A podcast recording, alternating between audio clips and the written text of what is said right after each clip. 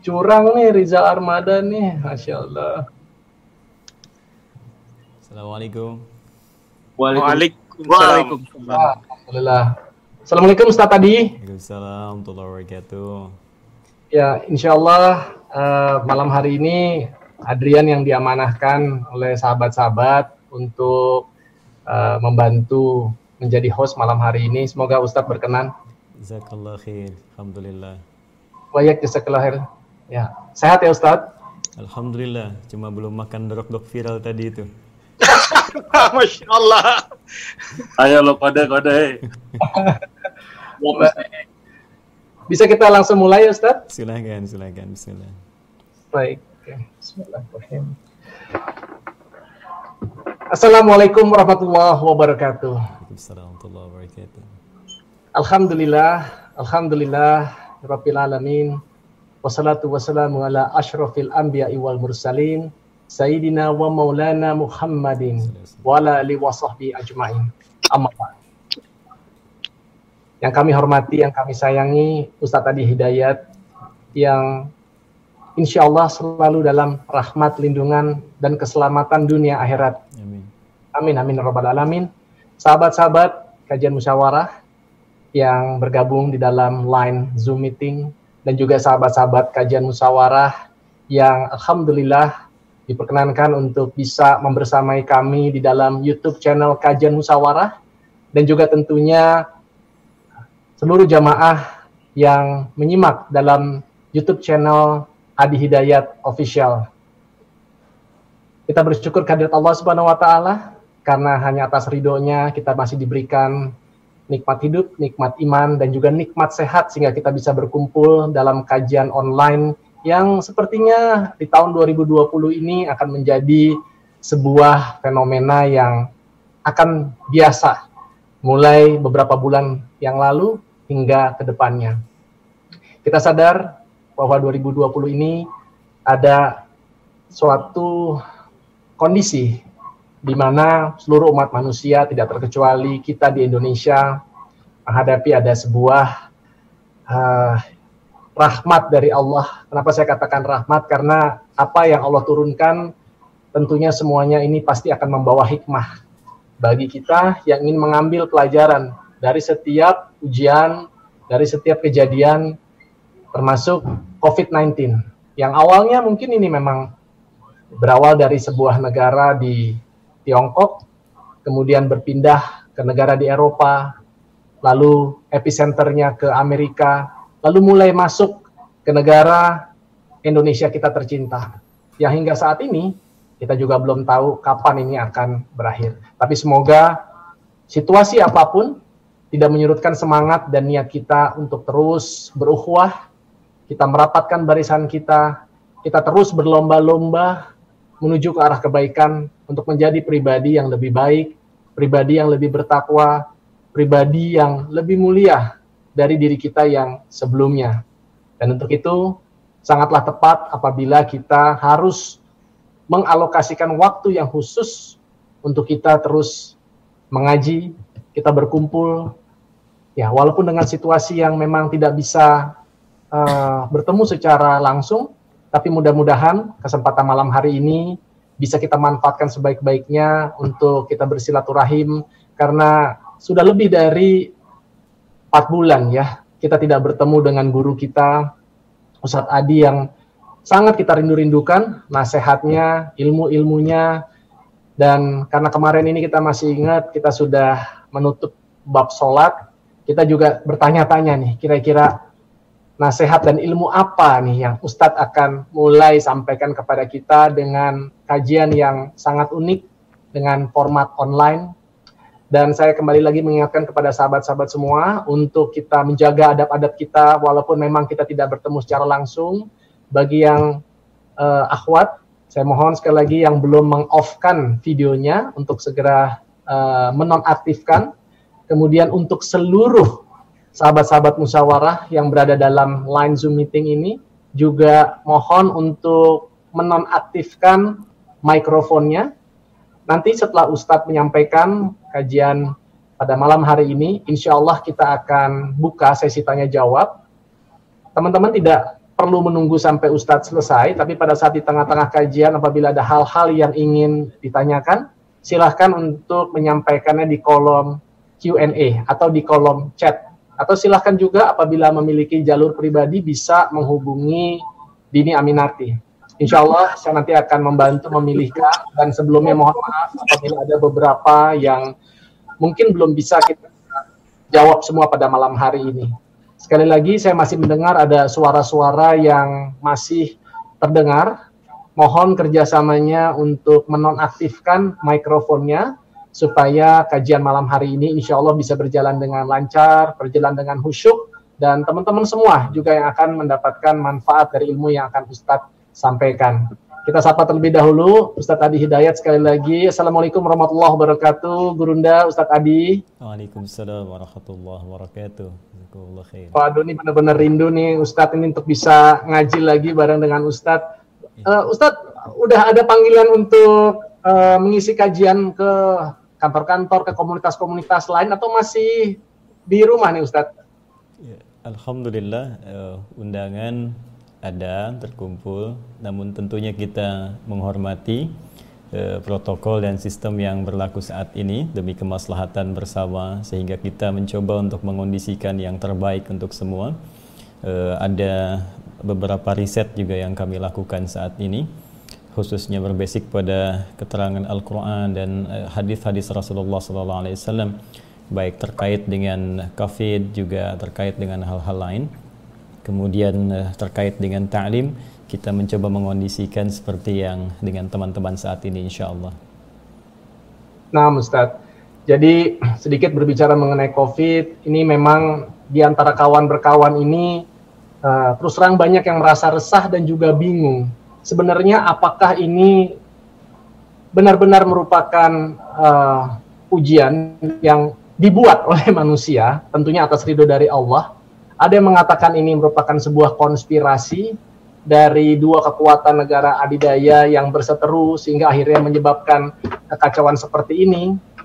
Uh, wallahu alam. Nah, mungkin bagaimana mungkin pandangan dari Ustadz nanti dari uh, berdasarkan apa yang kita selalu berpedoman dalam Al-Qur'an maupun juga hadis-hadis Rasulullah walaupun dengan situasi yang bisa jadi berbeda dengan apa yang sudah pernah terjadi di masa yang lalu.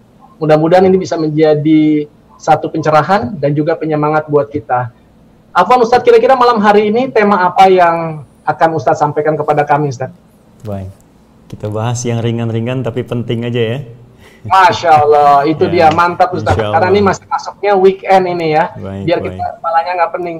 Dan juga teman-teman sebelum Ustadz memulai, silakan tadi Ustadz sudah sampaikan bahwa Ustadz ini banyak di rumah Ya, bukan berarti antum di sini datang untuk beramai-ramai berbondong-bondong untuk datang ke rumah Ustaz, tapi silakan apabila ada yang ingin mengirimkan makanan dorok-dok, you fit lemon ya, terus kemudian tadi itu ada pisang cemomoy dan lain sebagainya, silakan ya.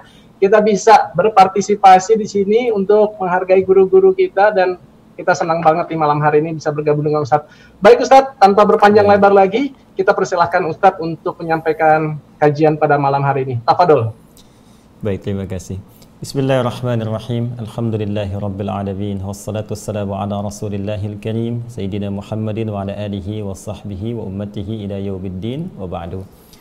Assalamualaikum warahmatullahi wabarakatuh. Yang uh, saya sayangi, saya cintai keluarga besar, keluargaku di Musawara, Muda, Sakinah, Mawaddah, dan Rahmah dan juga teman-teman yang bergabung di line kita pada malam hari ini. Semoga seluruhnya senantiasa dimuliakan, dicintai dan dirahmati oleh Allah Subhanahu wa taala. Ya, sebelum kita mencoba untuk mengurai hal yang mungkin ringan tapi menjadi bagian penting dalam sesi kehidupan yang kita lalui, saya mohon izin berkenan untuk mengingatkan eh, dari nama yang teman-teman tuliskan, musawarah, ya, muda kemudian punya nilai-nilai sakinah. Satu, mawaddah dua, kemudian rahmah tiga. Sampai teman-teman di detik ini dari sejak membuat nama itu, apakah nilai-nilai tadi sudah didapatkan dalam kehidupan? Apakah itu sudah dirasakan dalam aktivitas harian? Jangan-jangan membuat sakinah tapi sampai detik ini belum merasakan sakinah itu. ya jangan-jangan menuliskan mawaddah tapi belum bisa memaksimalkan tulisan itu. Ataupun ingin mendapatkan rahmah tapi sekedar menjadi tulisan yang tertuai ya kemudian belum mampu teraplikasikan dalam kehidupan. Saya mohon izin untuk berkenan mengingatkan sakinah adalah ketenangan yang hadir setelah kita tuntas menyelesaikan satu persoalan berbeda dengan tumak nina jadi ada tumak nina, ada sakinah. Itu dua hal yang berbeda. Tumak nina, ketenangan yang lahir dari proses ibadah. Karena itu seluruh gerakan-gerakan ibadah yang kita tunaikan, bacaan-bacaan yang kita ungkapkan dalam ibadah, entah dalam sholat ataukah saat membaca Al-Quran. Nah ketenangan yang kita rasakan saat menunaikan itu disebut dengan tumak nina. Bukankah teman-teman kalau sedang sholat merasakan ketenangan? Ya kan? Karena itu ada tumak ninah dalam ruku, eh, tumak ninah dalam sujud. Bukankah saat membaca Al-Quran merasakan ketenangan? Nah, ketenangan yang lahir dari proses ibadah itu disebut dengan apa? Tumak ninah. Ada yang kedua, ketenangan yang lahir setelah kita tuntas menyelesaikan satu persoalan. Ya, dan ini yang menjadikan persoalan itu sejatinya menjadi rahmat dalam kehidupan. Karena dengan persoalan itu akan melahirkan solusi dan dengan solusi itu hadir ketenangan dalam jiwa kita. Nah, ketenangan yang hadir setelah solusi tiba itu itu yang disebut dengan sakinah, ya. Akhir bulan ya, belum ada tanda-tanda misalnya persiapan untuk memenuhi kebutuhan rumah tangga. Itu kan masalah. Kayak, ya? Uh, Baik. Uh, terhubung suara saya terdengar? Buka ya, Pak. Kosong dari pusatnya pusat. Ustaz. ini uh, Pak Ranti Purnamasari. Bisa Kemudian untuk Mbak Purnamasari. Iya, baik. Terima kasih kerjasamanya. Afwan Ustadz. Baik, tidak apa-apa. Baik, terhubung ya. Jadi kembali kepada sakinah tadi. Sakinah adalah ketenangan yang hadir saat kita mendapatkan solusi kala tuntas menyelesaikan persoalan. Jadi persoalan itu kalau kita ambil garisnya sebetulnya menjadi sebuah rahmat yang Allah berikan kepada kita supaya kita mendapatkan ketenangan. Jadi mustahil seseorang bisa tenang itu kalau tidak ada katalisnya. Ya, kalau tidak ada penggeraknya. Nah, penggerak itu yang dihadirkan oleh Allah berupa persoalan-persoalan dalam dalam kehidupan. Karena itulah tadi saya contohkan misalnya di akhir bulan belum ada tanda-tanda kemudian untuk bisa memberikan kecukupan dalam rumah tangga ini masalah Ya, tapi kemudian begitu solusinya tiba, kita dapatkan kemudian apa yang kita inginkan itu, bukankah kemudian di hati kita ada ketenangan? Nah, yang paling menarik, ada nama yang sangat erat, yang dengan nama ini bisa menghadirkan ketenangan lebih cepat dalam kehidupan kita.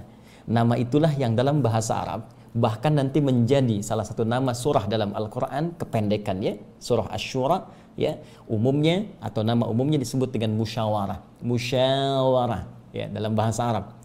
Yang berarti secara singkat talabu ar-ra'ya wa an-nasiha. Saling berbagi pendapat ya solusi dan saling memberikan masukan-masukan.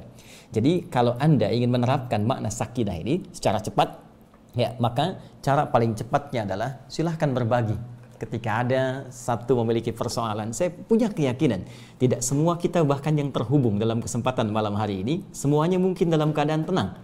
Boleh jadi sahabat kita ada yang sedang punya persoalan, boleh jadi ada yang sedang punya kesulitan.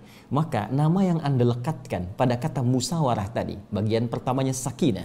Ya, coba kita hadirkan dalam aktualisasi kehidupan kita, anugerahkan ketenangan pada kawan-kawan kita. Bagaimana caranya? Sapa dia.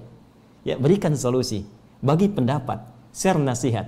Maka ketika teman-teman membuat nama ini dan mungkin sudah satu tahun, dua tahun atau lebih berjalan, sudahkah di antara kita bisa berbagi dengan kawan-kawan lainnya setidaknya menghadirkan perhatian untuk memberikan ketenangan dalam kehidupan keluarga besar kita. Itu satu. Dua, mawaddah. Mawaddah itu asalnya dari kata maddah, yaitu cinta, ya rasa sayang yang dihasilkan dari satu pemberian materi Ya, karena itu dalam pernikahan ya, ayatnya dibuka dengan kata mawaddah ya setelah sakinah di Quran surah ke-30 ayat 21 itu wa min ayatihi an khalaqalakum min anfusikum azwaja litaskunu ilaiha wa ja'ala bainakum mawaddah. Ya, mawaddah itu cinta kasih yang dihasilkan dari pemberian materi. Karena itu ketika seorang suami ingin menunjukkan cinta kepada istri di awal pernikahannya, bukankah ia memberikan mahar? Ya? Dan mahar itu kan sifatnya bukan sesuatu yang yang tak nampak ya. Jadi diberikan sebagai tanda kasih, bahkan di Quran surah keempat ayat yang keempat wa atun nisaa sadaqatihinna nihla. Kalau bisa tanyakan dulu pada calon istrimu apa yang paling kau sukai yang kira-kira bisa aku maksimalkan untuk aku ikhtiarkan sebagai tanda cintaku. Itu itu mawaddah. Ya. Nah, ini eh, perhatian ini seyogianya tidak berhenti saat Anda mulai hanya berakad saja. Jadi kalau ketenangan cinta itu ingin langgeng, cinta itu ingin baik, salah satunya bisakah Anda berbagi dalam bentuk pemberian fisik tadi? Dalam skala kecil mungkin di lingkungan keluarga kita, skala kecil. Ya, tidak salah ketika suami dimasakin oleh istrinya dengan makanan-makanan yang disukainya, atau suami membawakan sesuatu walaupun ringan untuk diberikan kepada istrinya. Nah, itu bisa melanggengkan rasa cinta, rasa sayang di lingkungan yang kita tinggali. Mungkin ayah dengan anak, anak kepada orang tua. Dan dalam situasi yang kompleks saat ini, kita bisa kembangkan dengan keluarga besar di musyawarah. Ya, boleh jadi mungkin sebagian sahabat kita ada yang mungkin kita kirimkan, ya. Kita tidak katakan bantuan, tapi kita lebih katakan tanda sayang kita, tanda cinta kita, tanda mawaddah kita Tadi ada yang bisa kirim kopi, ada yang bisa kirim dorok-dok viral, ada yang bisa kirim makanan-makanan lain. Itu mawadah teman-teman.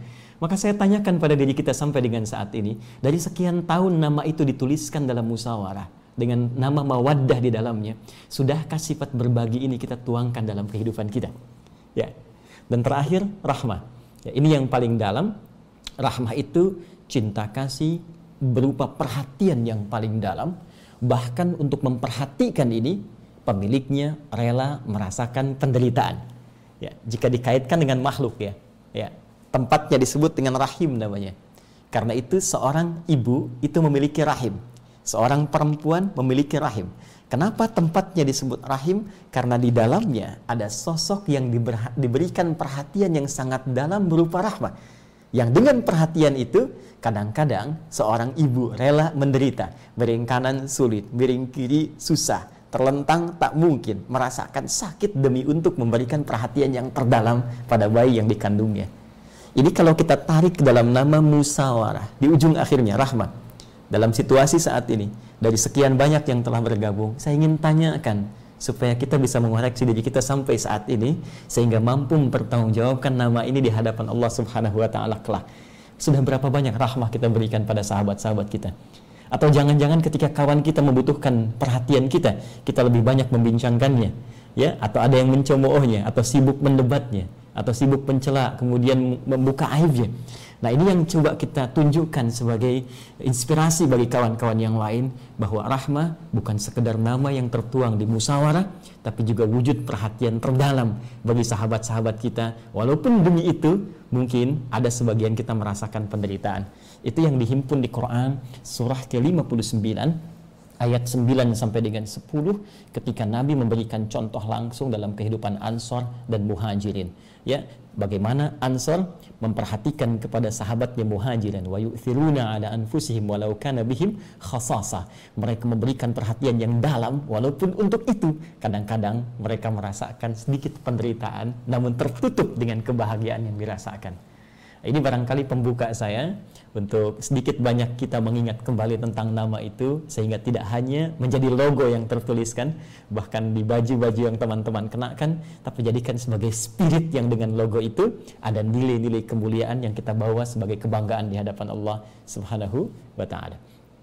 Baik kawan-kawan sekalian, eh, mohon izin saya mendoakan untuk teman-teman semua semoga seluruhnya sehat dalam keadaan yang baik dan diberikan kemudahan oleh Allah Subhanahu wa taala tanpa kecuali juga untuk teman-teman yang bergabung semoga Allah senantiasa rahmati dan sayangi.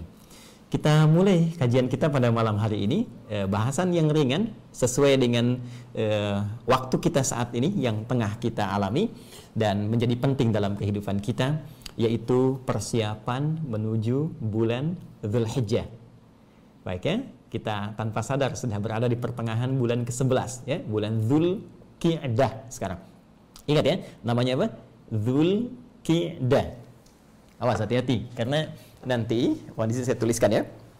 Jadi saya mencoba e, menyesuaikan dengan kajian biasa kita sehingga nampak tidak ada perbedaan seperti kita mengaji. Jadi ada yang sering e, membaca ini tulisan seperti ini. Saya izin tuliskan ya, Dzul Qi'dah. Qi'dah. Nah, jadi ada yang bacanya Dzul Qa'dah, pernah dengar kan ya? Dzul Qa'dah, kan? Ada Dzul Qa'idah, kan? Nah, kemudian ada lagi sebagian menyebut Zulkangidah, itu ya. Nah, itu e, secara bahasa dalam konteks penamaan bulan yang tengah kita berada di dalamnya itu kurang tepat. Ya, yang tepat bacaannya Zulqidah. Harakat yang kaf ini pindah dari fathah ke kasrah begini. Ya. Jadi kalau ilustrasinya begini, kalau qa'dah, qa'dah itu duduk yang sifatnya singkat dan cepat, ya jadi kalau saya contohkan pada kawan-kawan, misal ini ada bangku di sini, kemudian saya hendak duduk ya, duduk dan berdiri lagi. Jadi cepat duduk seperti ini, kemudian saya berdiri kembali. Seperti saya duduk kemudian hendak menulis kembali. Nah ini dalam bahasa Arab ini disebut dengan isim murrah, sesuatu yang berlangsung secara cepat, ya singkat. Maka harokatnya menggunakan fathah, ada. Tapi kalau harokatnya menggunakan kasrah, ini teman-teman, Qi'dah. Ini disebut dengan hay'ah namanya. Ya, sesuatu yang berlangsung dengan santai, nyaman. Ya, kalau qi'dah duduk menggunakan harokat kasrah itu seakan-akan gambarannya jadi duduk sambil santai. Tadi kan ya, ada yang minum teh, minum kopi dulu, makan makanan tertentu. Jadi kalau saya sebutin jadi endos ya. jadi makan makanan tertentu, minumnya itu qi'dah namanya. Ya, zul, zul artinya pemilik. Ya, yang melakukan kidah duduk duduk santai ya duduk santai jadi zulkidah secara singkat itu artinya duduk duduk santai. Yang sedang duduk santai. Kenapa bulan ke-11 ini disebut dengan bulan zulkidah bulan duduk duduk santai. Karena memang orang-orang Arab pada saat itu khususnya di wilayah Hijaz yang dekat dengan Makkah Al-Mukarramah yang biasanya rutinitas mereka itu merantau, berdagang ya keluar wilayah Mekah, keluar wilayah Hijaz. Ada yang ke Yaman, kan? Ada yang ke Syam. Sekarang empat negara Syam. Ada Palestina, ada Libanon, ada kemudian Yordania, ada Syria ya, ke arah Syam. Ada ke Yaman kadang ke Syam itu kemudian diabadikan oleh Allah Subhanahu wa taala karakteristik mereka aktivitas mereka di Quran surah Al-Quraisy itu ya li ilafi Quraisy ilafihim rihlat asy-syita iwasaif karena keba kebiasaan ya kebiasaan niaga orang-orang Quraisy yang mereka kadang berniaga baik di musim panas ataupun di musim dingin. Mereka keluar. Nah di bulan yang ke-11 ya mereka tidak keluar. Mereka lebih banyak menunggu duduk-duduk santai di Mekah karena orang-orang yang mereka biasa kunjungi di negeri-negeri tadi mereka akan datang semua berkumpul di satu pusat titik pertengahan dunia yaitu di Mekah Al-Mukarramah untuk menunaikan ibadah haji karena banyak yang haji datang maka itu dimanfaatkan oleh para pedagang juga untuk berkumpul ke wilayah Mekah sehingga perniagaan itu berpusat di wilayah Mekah pada saat itu karena apa? Karena ada situasi haji yang tengah berlangsung.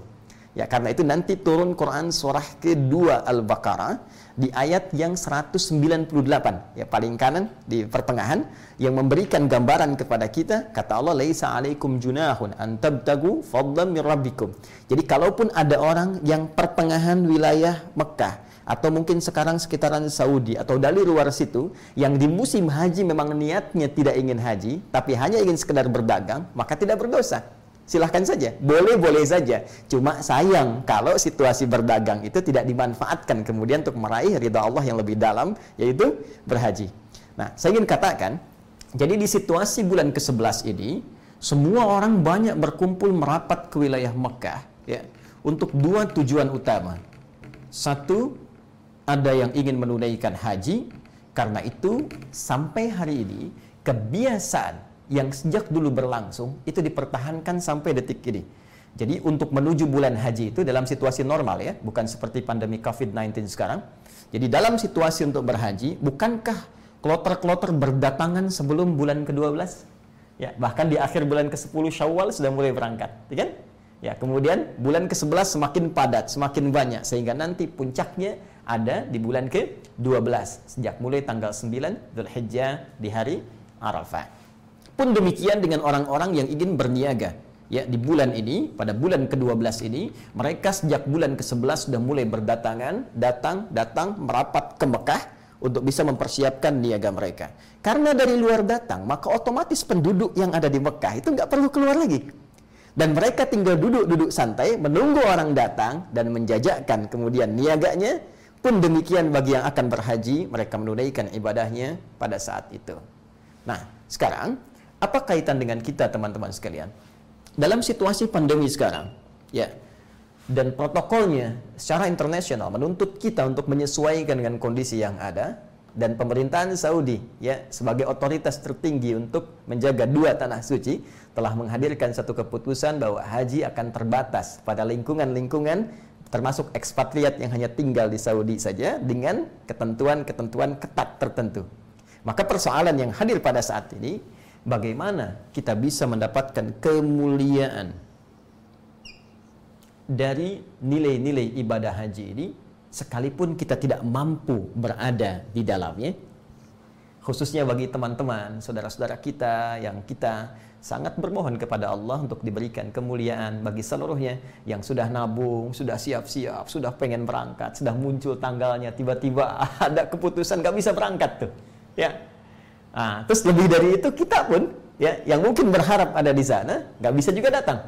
Maka pertanyaannya, ya, pada kondisi saat ini, adakah dalam Al-Quran atau dalam hadis-hadis Nabi Shallallahu Alaihi Wasallam satu kemuliaan tertentu yang bisa diraih oleh orang yang belum bisa berangkat menunaikan haji atau tidak berada bersama orang-orang yang haji namun bisa mendapatkan kemuliaan yang senilai dengan orang yang berhaji.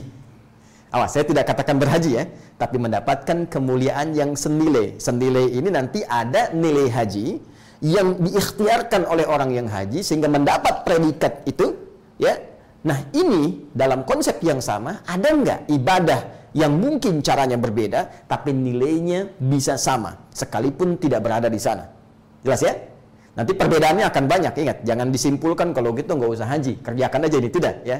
Awas, kesimpulannya nanti bisa berbeda. Karena nanti bagi yang di sana bisa sholat di Masjidil Haram, pahalanya sekali sholat 100 ribu, gitu kan?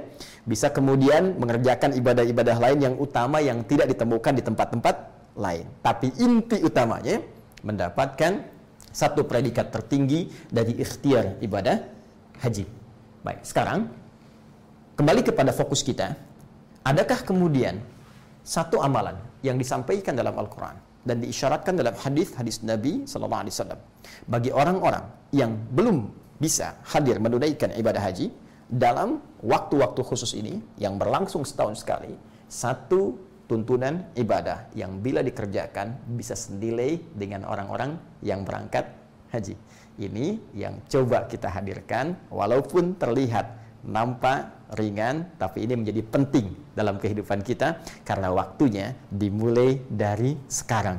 Tertinggal Anda mengerjakan saat ini, maka Anda harus menunggu tahun depan. Itu pun kalau masih hidup. Baik. Ya, teman-teman, yuk kita turunkan dulu saya izin ya eh, menghapus dulu supaya kita bisa mudah sambil teman-teman tarik nafas sambil kita bisa santai sedikit. Ya, saya masih konsisten baik itu live ya, langsung kita ada ataupun seperti sekarang tersambung. Saya masih eh, terangkan sendiri, tulis sendiri dan hapus sendiri. Ya. Apa perlu kita kirimkan Tengku Wisnu sama Ari Untung ke sana Ustaz? Uh, jazakallah, eh, biasanya hanya menambah beban saja nanti. Gak apa-apa lain waktu insya Allah. Zakallah ya. Mohon maafkan saya bercanda ya. Baik teman-teman, yuk kita mulai. Kita mulai dengan hadis Al-Quran dulu ya, supaya terurut dengan Al-Quran, Quran surah ke-89. Awas hati-hati, ya saking pentingnya ini sampai Allah menurunkan satu isyarat dalam Al-Quran. Surah ke-89 Al-Fajr ayat 1 sampai 2 Ya, saya izin tuliskan dulu referensinya untuk menguatkan argumentasi kita.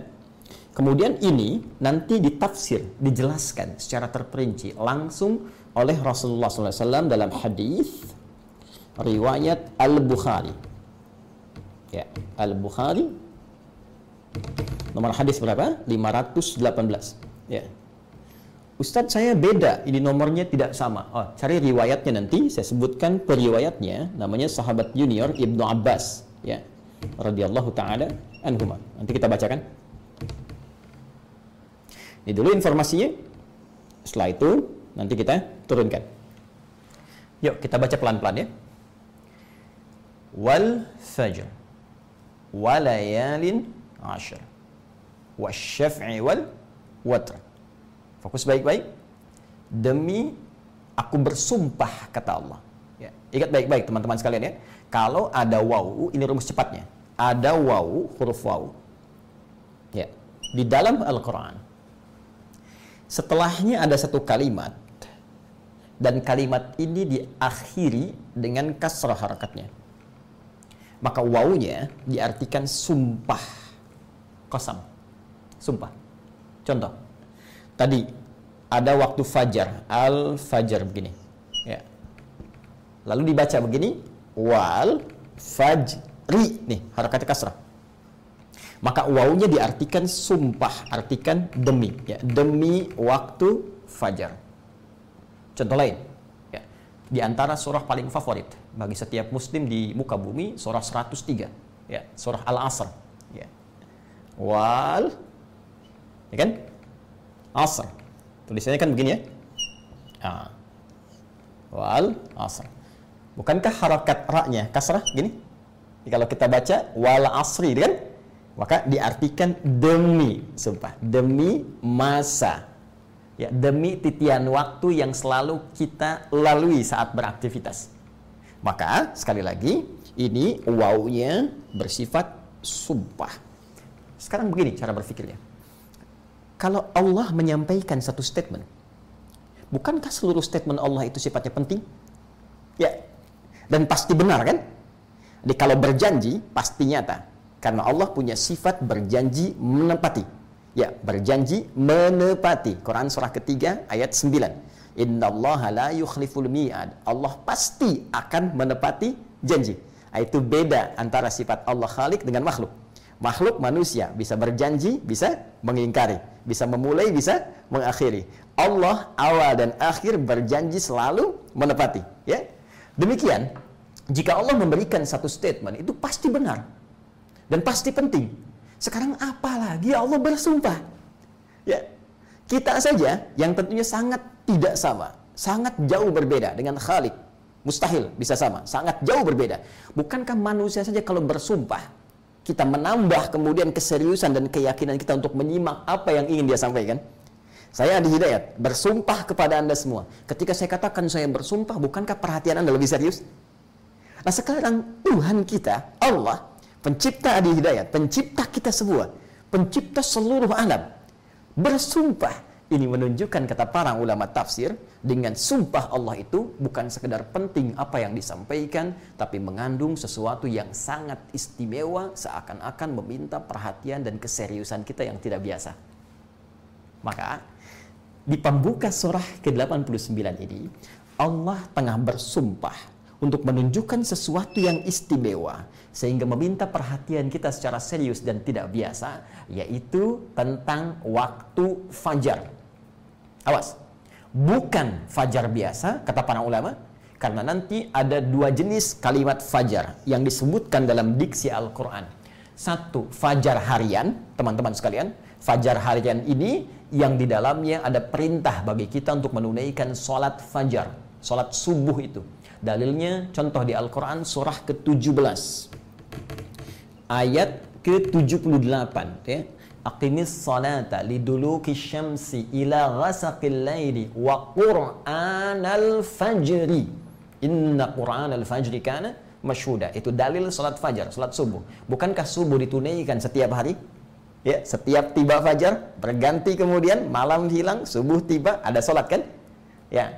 Baik, ada lagi tentang Ramadan ya di Quran surah kedua ayat 187 ya bukankah dalam Ramadan sebulan setiap harinya kita puasa ya Ya, thumma atimmus siyama ilal lail. Baik, sebelumnya wa kulu washrabu hatta yatabayyana lakumul khaytul abyadu minal khaytul aswadi minal fajr. Kata Allah silahkan Anda makan, minum senyamannya di waktu malam. Tapi kalau sudah tiba fajar, dimulailah puasa. Dimulailah Ramadan itu. Bukankah Ramadan saat datang setahun sekali, tapi ada sebulan kita tunaikan puasa dan setiap harinya kita puasa? Nah, yang ini bukan fajar seperti yang biasa dimaksudkan. Bukan fajar di setiap hari datang. Bukan fajar yang di bulan Ramadan kita tunaikan awal mula puasa. Tapi fajar ini hanya berlangsung sekali saja dalam setahun. Keistimewaannya. Ya, saya bukan katakan waktu bergantinya. Saya katakan keistimewaan.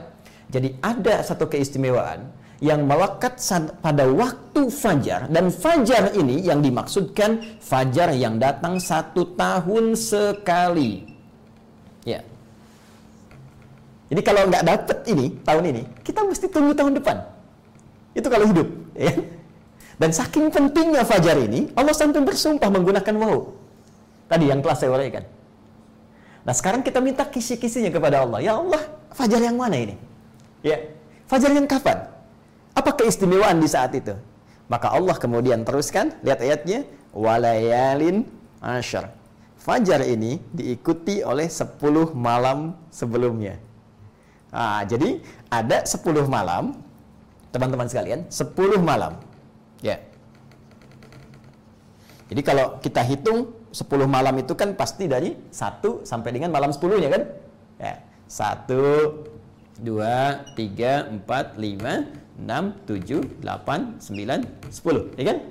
Baik, kalau kita ukurkan dari 1, 2, 3, 4, 5, 6, 7, 8, 9 sampai malam ke 10 nya ya, sampai datang fajar jadi walayalin asyr kata Allah fajar ini didahului oleh 10 malam yang istimewa juga ya wasyaf'i wal yang malam-malam ini akan memberikan tanda kepada kita hari-hari genap dan ganjil Ya, sudah pasti kan? Jadi di setiap menuju ke 10 ini pasti ada genap dua, ya, pasti ada empat, pasti ada enam, gitu kan? Ada ganjilnya juga, ada satu, ada tiga, ada lima. Ya Allah kalau gitu kan gak usah diungkapkan, bukan. Yang ingin Allah tekankan, di setiap yang genap dan ganjil, bahkan sebelum yang ke 10 ini, itu pun istimewa semuanya. Tidak ada beda di genap dan ganjilnya. Allahu Akbar. Tidak ada beda di genap dan ganjilnya. Jadi secara singkat, Allah bersumpah ada satu waktu yang sangat istimewa, waktunya 10 hari, 10 malam. Dari tanggal 1 sampai tanggal 10-nya. Dan puncaknya ada di tanggal 10-nya. Dan itu hanya berlangsung setahun sekali. Sampai sebagian ulama ada yang memberikan penjelasan saking istimewanya, ini pahalanya di satu sisi tertentu bisa melebihi keutamaan Ramadan di satu sisi tertentu. Karena di sisi lain nanti bisa juga dikalahkan oleh malam Al-Qadar. Tapi di sisi tertentu ada keutamaan yang bisa mengalahkan Ramadan. Dari mana semua statement itu bersumber dan seperti apa penjelasan keistimewaan ini penting bagi kita untuk merujuk pada keterangan Rasulullah SAW sehingga tidak kita memberikan statement yang keliru dari penafsiran kita sendiri. Nah, sekarang kita lihat keterangan Nabi kapan 10 ini tanggalnya kapan, waktunya kapan, dan apa keistimewaan di dalamnya yang bisa kita tampilkan. Ya, pelan-pelan. Ya, saya bacakan. Mohon izin saya gantikan dulu uh, apa namanya penanya atau spidolnya supaya lebih mudah kita tuliskan. Fokus teman-teman. Saya bacakan hadisnya ya. Tadi hadisnya diriwayatkan oleh Ibnu Abbas. Masih ingat yang kita pernah terangkan dulu? Saya sering bahas-bahas. Ya, kalau ada ibnun ibnun itu anak laki-laki, kan? Ini Ibnun anak laki-laki. Bapak Ibnun, bapak masih anak-anak. Ya, Ibnun itu anak laki-laki. Bintun anak perempuan. Ibnu Abbas, anak laki-lakinya Abbas, ya radhiyallahu taala anhuma. Nama aslinya Abdullah. Abdullah. Ya. Mohon izin tidak bermaksud mengajari, hanya menyampaikan kembali apa yang pernah guru-guru kami utarakan, ya, dan mengingatkan teman-teman apa yang pernah saya tegaskan dulu. Uh, Abbas ini paman Nabi SAW, usianya tidak terpaut jauh dengan beliau SAW. Ada yang menyebut tiga tahun, ada yang menyebut lima tahun. Tapi secara singkat, beliau ini pengusaha teman-teman. Ya, pedagang.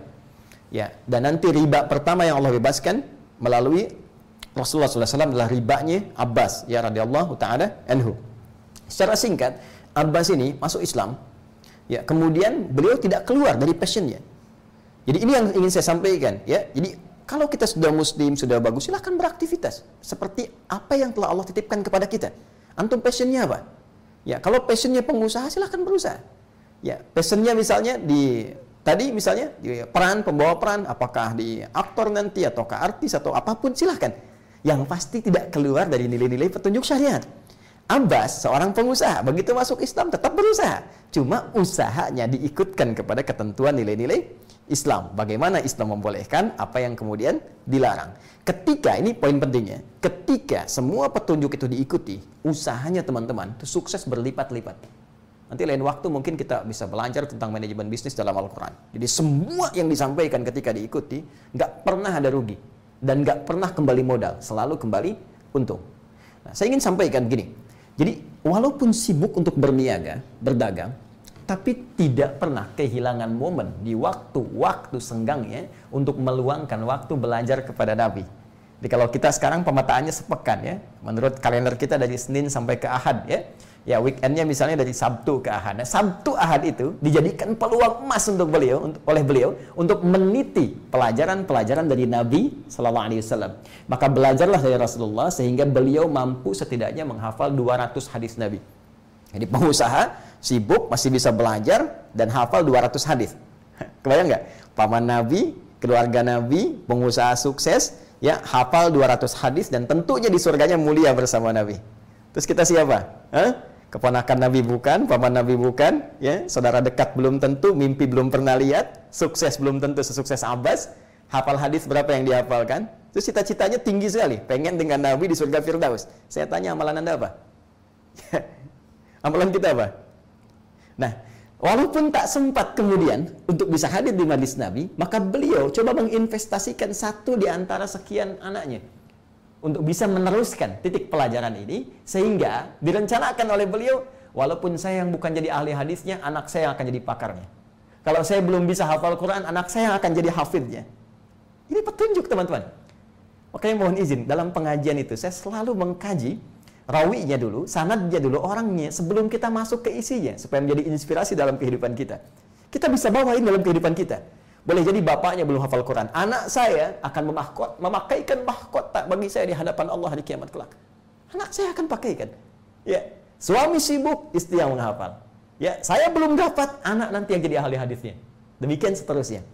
Nah ini visi yang dibangun sehingga anak ini walaupun masih kecil sering disimpan di majlis Nabi Shallallahu Alaihi Wasallam Ya kalau sekarang teman-teman ngaji di sampingnya anak-anak suruh dengar, gitu kan? Atau sambil bermain, dengar Quran. Apa yang terjadi?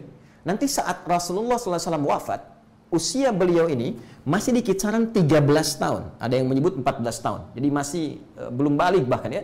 Ya, dalam ukuran uh, sekarang ya, 13 tahun itu bapaknya hafal 200 hadis, anaknya hafal 2000 hadis. Dan di antara 2000 ini hadis yang akan kita bahas malam hari ini. Jadi saya gambarkan begini, hadis ini tiap tahun diamalkan oleh miliaran orang. Dari sejak dulu sampai dengan sekarang, penduduk bumi, berapa yang muslim? Anda bayangkan, kalau ada 100 juta saja yang beramal dari hadis ini, artinya dari amalan 100 juta itu mengalir kepada anak ini, mengalir kepada bapaknya. Dan luar biasa, sukses dunia, bahagia akhirat. Yuk kita baca hadisnya. Nah, ini bawa ya dalam kehidupan kita, kita terapkan pada anak-anak kita, harus meninggalkan jejak generasi terbaik lebih baik dibanding kita. Itu pesan Quran surah keempat ayat 9. وَلْيَخْشَ الَّذِينَ لَوْ تَرَكُوا مِنْ خَلْفِهِمْ ذُرْيَةً ضِعَافًا خَافُوا عَلَيْهِمْ فَلْيَتَّقُوا Waliyakulu kaunan sedida. Kata Allah, hendaklah setiap keluarga, setiap orang tua menyiapkan untuk generasi yang menggantikan mereka itu mesti lebih hebat dibandingkan mereka karena tantangan di masa depan lebih daripada di masa kita sekarang. Les? yuk kita baca hadisnya.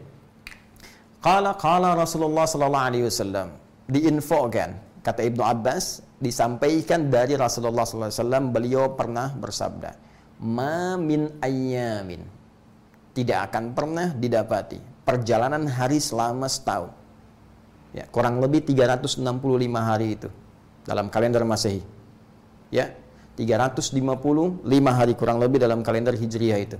Tidak akan didapati perjalanan hari dalam setahun. Al-amalu salihu ahabbu ilallahi. Saat satu amal soleh akan sangat dicintai oleh Allah Subhanahu wa taala min hadhil ayyamil ashri. Ya, dibandingkan dengan 10 hari yang akan disebutkan Nabi ini. Jadi, ada 10 hari, teman-teman, yang kalau kita beramal soleh, awas hati-hati, beramal soleh, maka status amalan ini bukan sekedar menjadi amal soleh, tapi statusnya akan naik menjadi amal soleh yang sangat dicintai oleh Allah Subhanahu wa Ta'ala. Ya. Amalan yang paling dicintai Allah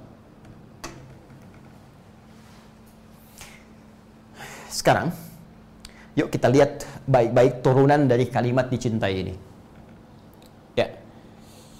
Apa pentingnya kita memahami ketika Allah mencintai seorang hamba? Teman-teman sekalian, di, di dalam dunia kita saja, bukankah saat kita mencintai, benar-benar cinta, kita akan memberikan segala yang mungkin kita persembahkan?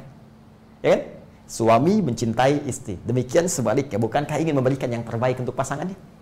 Ya, jadi kalau di rumah tangga misalnya pasangan menyediakan yang biasa-biasa, apalagi tanpa senyum, ah berarti cintanya sedang luntur tuh. Ya. Atau perhatian suami kepada istri belum maksimal, berarti ada sesuatu yang belum tuntas, belum selesai. Ya, sederhana indikatornya. Tapi cinta itu selalu memberikan sebuah respon untuk menyampaikan yang terbaik yang bisa dipersembahkan. Bukankah anak yang kita cintai akan kita berikan apa pun yang kita bisa maksimalkan? Demikian kan? Sekarang, kita saja yang terbatas kalau cinta bisa memberikan, mempersembahkan apa yang bisa maksimal kita berikan. Sekarang Allah yang tidak punya keterbatasan, kalau cinta seorang hamba, apa yang mustahil bagi Allah untuk diberikan? Karena itu, ketika seorang hamba dalam penuh maksiat pun terliputi oleh sisi hitam yang pekat. Ya, mohon maaf misalnya hampir semua maksiat pernah dia cobain tuh. Ya, bahkan jangankan dosa kecil, dosa besar pernah ia kerjakan. Satu titik ada kesadaran yang menghunjam pada jiwanya, ada sinar hidayah yang menghantam pada kolbunya yang paling dalam. Dalam satu renungan dia berhasrat untuk kembali kepada Allah. Lalu tiba-tiba dia bertobat dan mendapatkan cinta Allah. Apa yang terjadi? Ketika cinta itu hadir, maka ampunan diberikan tanpa pernah melihat berapa besar dosa yang pernah ia kerjakan. Ini kaidah ada di Quran surah ketiga Ali Imran ayat 31.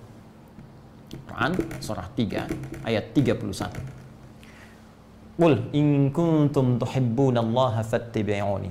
Ya, fattabi'uni yuhibbukumullah. Katakan Muhammad sallallahu alaihi wasallam jika hambaku, umatmu itu serius mencintai aku, maka buktikan cinta mereka dengan mengikuti tuntunan-tuntunan yang kau bawa itu. Yang aku tunjukkan kepadamu. Ya, yuhibbukumullah. Maka dengan itu, teman-teman sekalian, lihat kalimatnya, Allah pun akan membalas mencintai mereka. Tapi syahidnya, keterangannya bukan di sini, ya. Lihat ayat selanjutnya, lihat kaidahnya. Yuhibbukumullah. Ketika Allah mulai mencintai hamba, apa yang Allah berikan? Wa yaghfir lakum dzunubakum. Allah akan berkenan mengampuni seluruh dosa-dosa hambaku. Seluruh dosa-dosa kalian kata Allah. Itu baru dosa. Jadi kalau dosa sudah diampuni, ya kemudian keluar tuh, ya semua yang kotor-kotor, yang buruk-buruk keluar, bukankah yang baik-baik masuk? Ya. Jadi kalau orang sudah dosanya kosong, ya sudah minimal, salahnya sudah hilang, solehnya muncul, maka secara singkat bukan hanya ampunan turun, tapi bukankah doa juga mustajab? Kalau doanya mustajab udah dikabul, mau minta apa? Sedangkan Allah tanpa batas. Makanya orang-orang dulu baru nyebut aja udah diberi. Bahkan ada orang yang istighfar sudah dikabulkan. Masih ingat kisah tukang roti yang pernah saya sampaikan? Yang paling dahsyat, ada orang yang belum minta sudah diberikan. ya, coba lihat. Ustadz mungkin itu Nabi, mungkin Rasul. Belum tentu kawan-kawan. Coba baca lagi Qurannya. Bukankah Sayyidah Maryam alaihissalam bukan Nabi? Maryam bukan Nabi, Maryam bukan Rasul. Tapi belum minta, rezekinya sudah diberikan. Buka Quran surah ketiga, ayat 37. Ayo, paling kiri sebelah bawah itu. Fataqabbalaha rabbuha biqabulin hasanin wa ambataha nabatan hasana wa kaffalaha Zakaria. Lihat, kullama dakhala 'alaiha Zakaria al-mihrab wajada 'indaha rizqa. Setiap pamannya Nabi Zakaria akan mengantarkan kebutuhannya sudah ada di situ. Belum minta sudah ada. Kebayang. Dan kita bisa hadirkan limpahan contoh-contoh di masa lalu untuk memberikan inspirasi dan kekuatan bagi kita di masa kini. Jadi kalau Allah sudah mencintai seorang hamba, jangankan dosa yang diampuni, semua kebutuhan dicukupkan. Bahkan belum minta, sudah diberikan. Ada yang dimudahkan dalam hidupnya. Ya, bukan nggak punya masalah. Ya. Ingat, tidak ada manusia hidup tak punya masalah. Saya sering sampaikan kepada Anda, hidup itu pasti berbanding dengan persoalan. Berbanding lurus. Quran surah kedua, Ayat 155 paling kiri sebelah atas walanabluwannakum bisyai. Setiap kalian yang hidup hidup akan diuji dengan persoalan kehidupan. Masalah bukan ingin menjadikan hidup kalian penuh dengan persoalan tapi supaya kualitas hidup kalian itu meningkat. Sebab kalau nggak diuji bagaimana kualitasnya bisa meningkat? Anak SD kalau nggak ujian bagaimana bisa lulus dan naik SMP? Mustahil diterima di SMP kalau nggak terukur kemampuannya. Ujian datang untuk mengukur ya menjadi parameter kemampuan seseorang supaya meningkat lebih bagus lagi. Ya. Karena itulah Allah berikan solusi kepada kita. Ketika ada persoalan, pasti kemudian ada solusinya. Jadi hidup selalu bersanding dengan persoalan. Orang yang tidak ingin punya masalah, artinya dia tidak ingin hidup. Hanya sayangnya Allah pada kita tidak akan membiarkan hamba larut dalam mengatasi persoalannya. Maka diberikan solusi-solusi. Ada solusi yang standar, ada jalan cepat. Tinggal kita mau pilih Nah di antara jalan cepatnya ada rahmat Allah yang diturunkan saking cepatnya solusi bisa tiba sebelum dimohonkan. Jadi ada orang-orang yang bukan nggak punya masalah, setiap mau ada persoalan diringankan oleh Allah sehingga seakan-akan nggak punya masalah. nah sekarang shortcutnya apa? Di antara sekian waktu yang kita lalui ada jalan cepat untuk bisa mewujudkan itu dan itu latihannya 10 hari saja. Ada yang disampaikan. Min hadhil ayyamil ashri. Ada 10 hari saja kata Nabi lalu mencoba beberapa sahabat untuk mengkonfirmasi lagi kepada Nabi. Ya Rasulullah, ya kalau berkata sebagian sahabat, ya Rasulullah, walal jihadu fi sabilillah. Apakah jihad fi sabilillah pun kemuliaannya, keistimewaannya tidak mampu menandingi 10 hari ini? Malam dan siangnya? Kata Nabi, walal jihadu fi sabilillah. Bahkan jihad fi sabilillah pun tidak mampu menandingi keutamaan amalan ini. Allahu akbar. Illa kecuali satu jenis jihad saja jadi ini yang paling tinggi, ya tingkat yang paling pertama. Illa rajulun kharaja bi nafsihi wa malihi wa lam yarji' min. Kecuali seseorang yang berjuang dengan hartanya, dengan jiwanya, maksudnya sampai dia wafat. Ya, guru yang berjuang sampai wafat, masya Allah, kan? Kemarin ada ustazah yang mengantarkan anaknya berjuang supaya anaknya lebih baik, kemudian ya sesuai dengan jalan hidupnya. Tiba-tiba di malam hari sopirnya ngantuk masuk ke dalam kali. Kemudian dia wafat. Jihad ya ada yang berjuang mengajar guru-guru mengajar. Ada yang berjuang suami berjuang mencari nafkah yang benar untuk anak-anaknya diniatkan ibadah kepada Allah. Dia berjuang keluar. Ya ada yang tuntutan kemudian membela agamanya membela kehormatannya membela negaranya diniatkan sebagai ibadah sampai dia kemudian berniat dan wafat dengan harta dengan jiwanya. Jadi perjuangan dengan harta sampai dia wafat dengan jiwanya itu yang bisa tidak bisa, yang tidak bisa ditandingi oleh apa pun. Tapi sepanjang tuntutannya tidak ada, maka yang ini yang lebih unggul. Yang ini yang lebih unggul dan tidak bisa ditandingi dengan apa pun. Nah, apa dan kapan waktunya yang 10 ini? Nabi menjelaskan yaitu 10 hari pertama di bulan Zulhijjah 10 hari pertama di bulan Zulhijjah, bulan ke-12. Ya, teman-teman. Saking utamanya, bahkan banyak orang-orang saleh menyiapkan fisik mereka, mental mereka, harta mereka untuk bisa memaksimalkan ibadah yang akan mereka tunaikan di 10 hari pertama bulan Zulhijjah ini.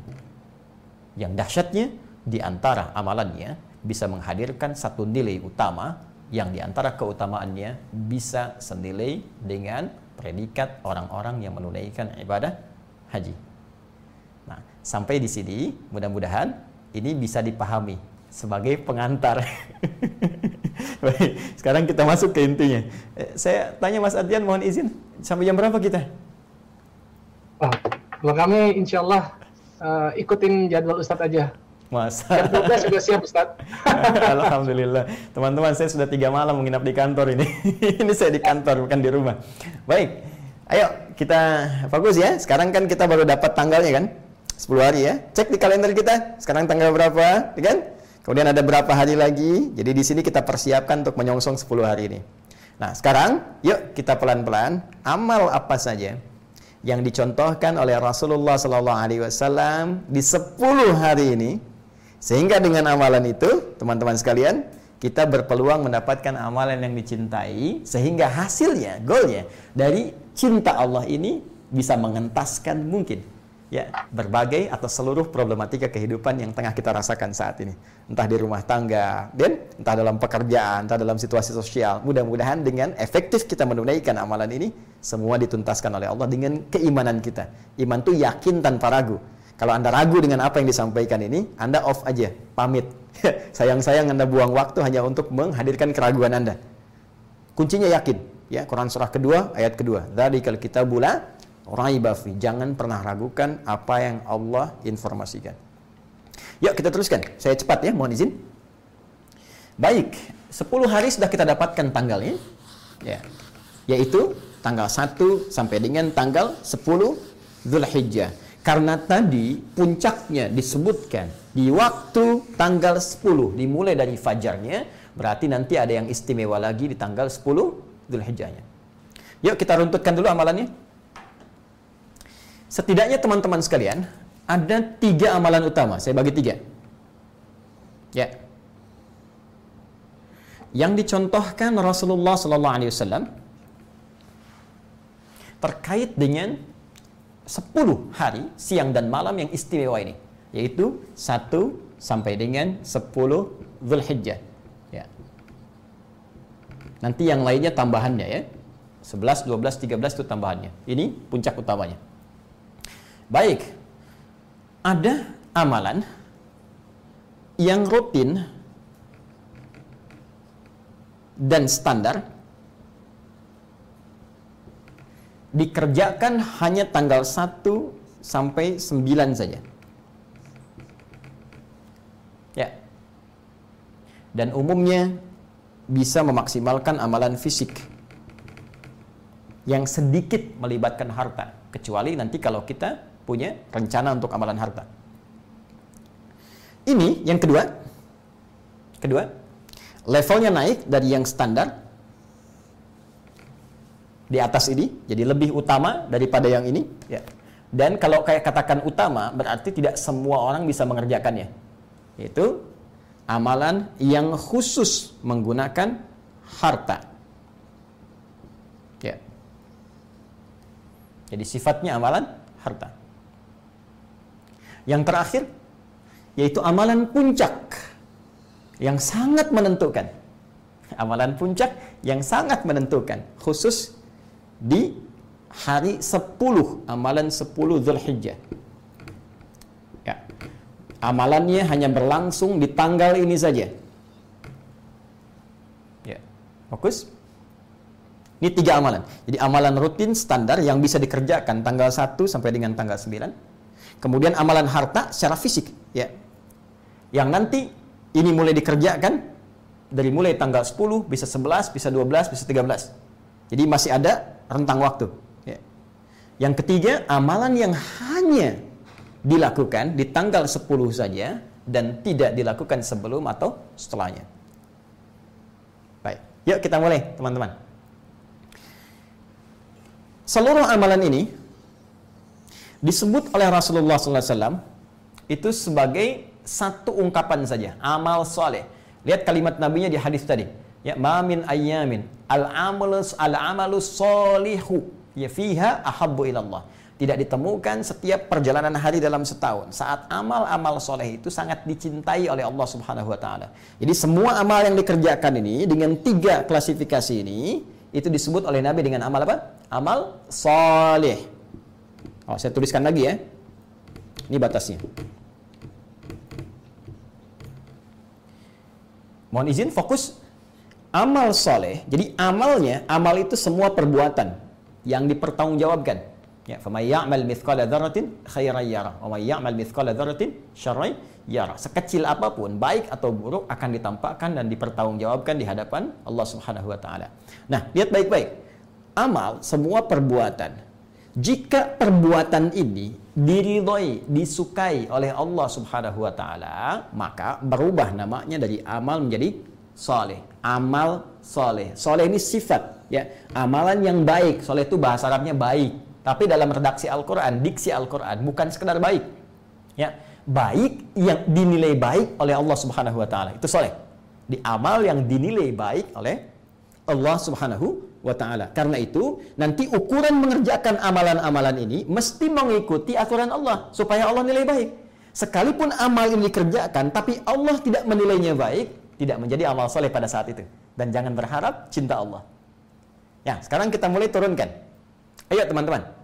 Karena sifatnya amal soleh, maka dalam tuntunan Al-Quran dan contoh langsung dari Nabi Sallallahu Alaihi Wasallam, semua amalan-amalan, baik itu ritual dan sosial yang sifatnya langsung ditunjukkan oleh Al-Quran, dicontohkan oleh Nabi, itu langsung disebut dengan amal soleh. Rumus cepatnya, kita bisa temukan amal soleh ini dengan menemukan pendahuluan kata iman sebelum amalannya. Jadi kalau Anda buka Al-Quran, menemukan kata iman, setelahnya pasti amal soleh. Contoh, ya, kalimat iman pertama di Al-Quran itu ada di Al-Baqarah ayat ketiga alladzina yu'minuna bil ghaib. Orang-orang takwa itu yaitu orang-orang yang dia beriman, yakin tanpa ragu pada Allah walaupun tak mampu dia lihat dalam hidupnya saat di dunia. Lalu dia buktikan keimannya itu dengan mengerjakan amalan. Apa amalnya? Lihat, setelah kata iman ada amalan. Wa yuqimunas shalah. Salat. Jadi, kata salat setelah kemudian diletakkan oleh Allah, ya setelah kalimat iman, disampaikan oleh Allah setelah kalimat iman ini menunjukkan salat termasuk dalam amal saleh. Wa mimma razaqnahum yunfiqun. Infak, infak bagian dari amal saleh. Walladzina yu'minuna bima unzila ilaik ya yaitu orang-orang yang yakin yang mau mengamalkan berinteraksi dengan apa yang kami turunkan kepada Muhammad SAW apa yang Allah turunkan kepada Nabi Muhammad Al-Quran jadi berinteraksi dengan Al-Quran adalah bagian dari amal saleh. Baik itu membacanya, kiraah, mengkaji maknanya, tilawah, menghafalkannya, tahfidz. Itu amal saleh.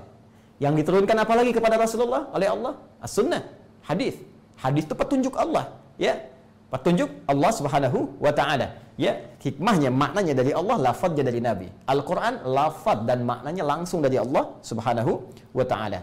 Baik, terkait hadis, wa may yantiqu 'anil hawa in huwa illa wahyu yuha. Apa yang disampaikan Nabi bukan keinginan pribadinya, tapi bimbingan dari Allah Subhanahu wa taala. Maka sunnah, maka hadis itu bagian dari amal soleh. Anda yang belajar hadis, mengamalkan satu-satu dari bangun tidur sampai tidur lagi, amal soleh. Secara singkat, teman-teman sekalian, tarik ke sini. Nih. Jadi, mengerjakan amalan-amalan ini yang kita maksimalkan dari rentang tanggal 1 sampai ke tanggal 10. Khususnya amalan ini bisa dimaksimalkan tanggal 1 sampai dengan tanggal 9. Maka ini bukan sekedar akan menjadi amal soleh biasa. Tapi kembali pada hadis tadi, ini akan menjadi amal soleh yang dicintai oleh Allah Subhanahu wa Ta'ala.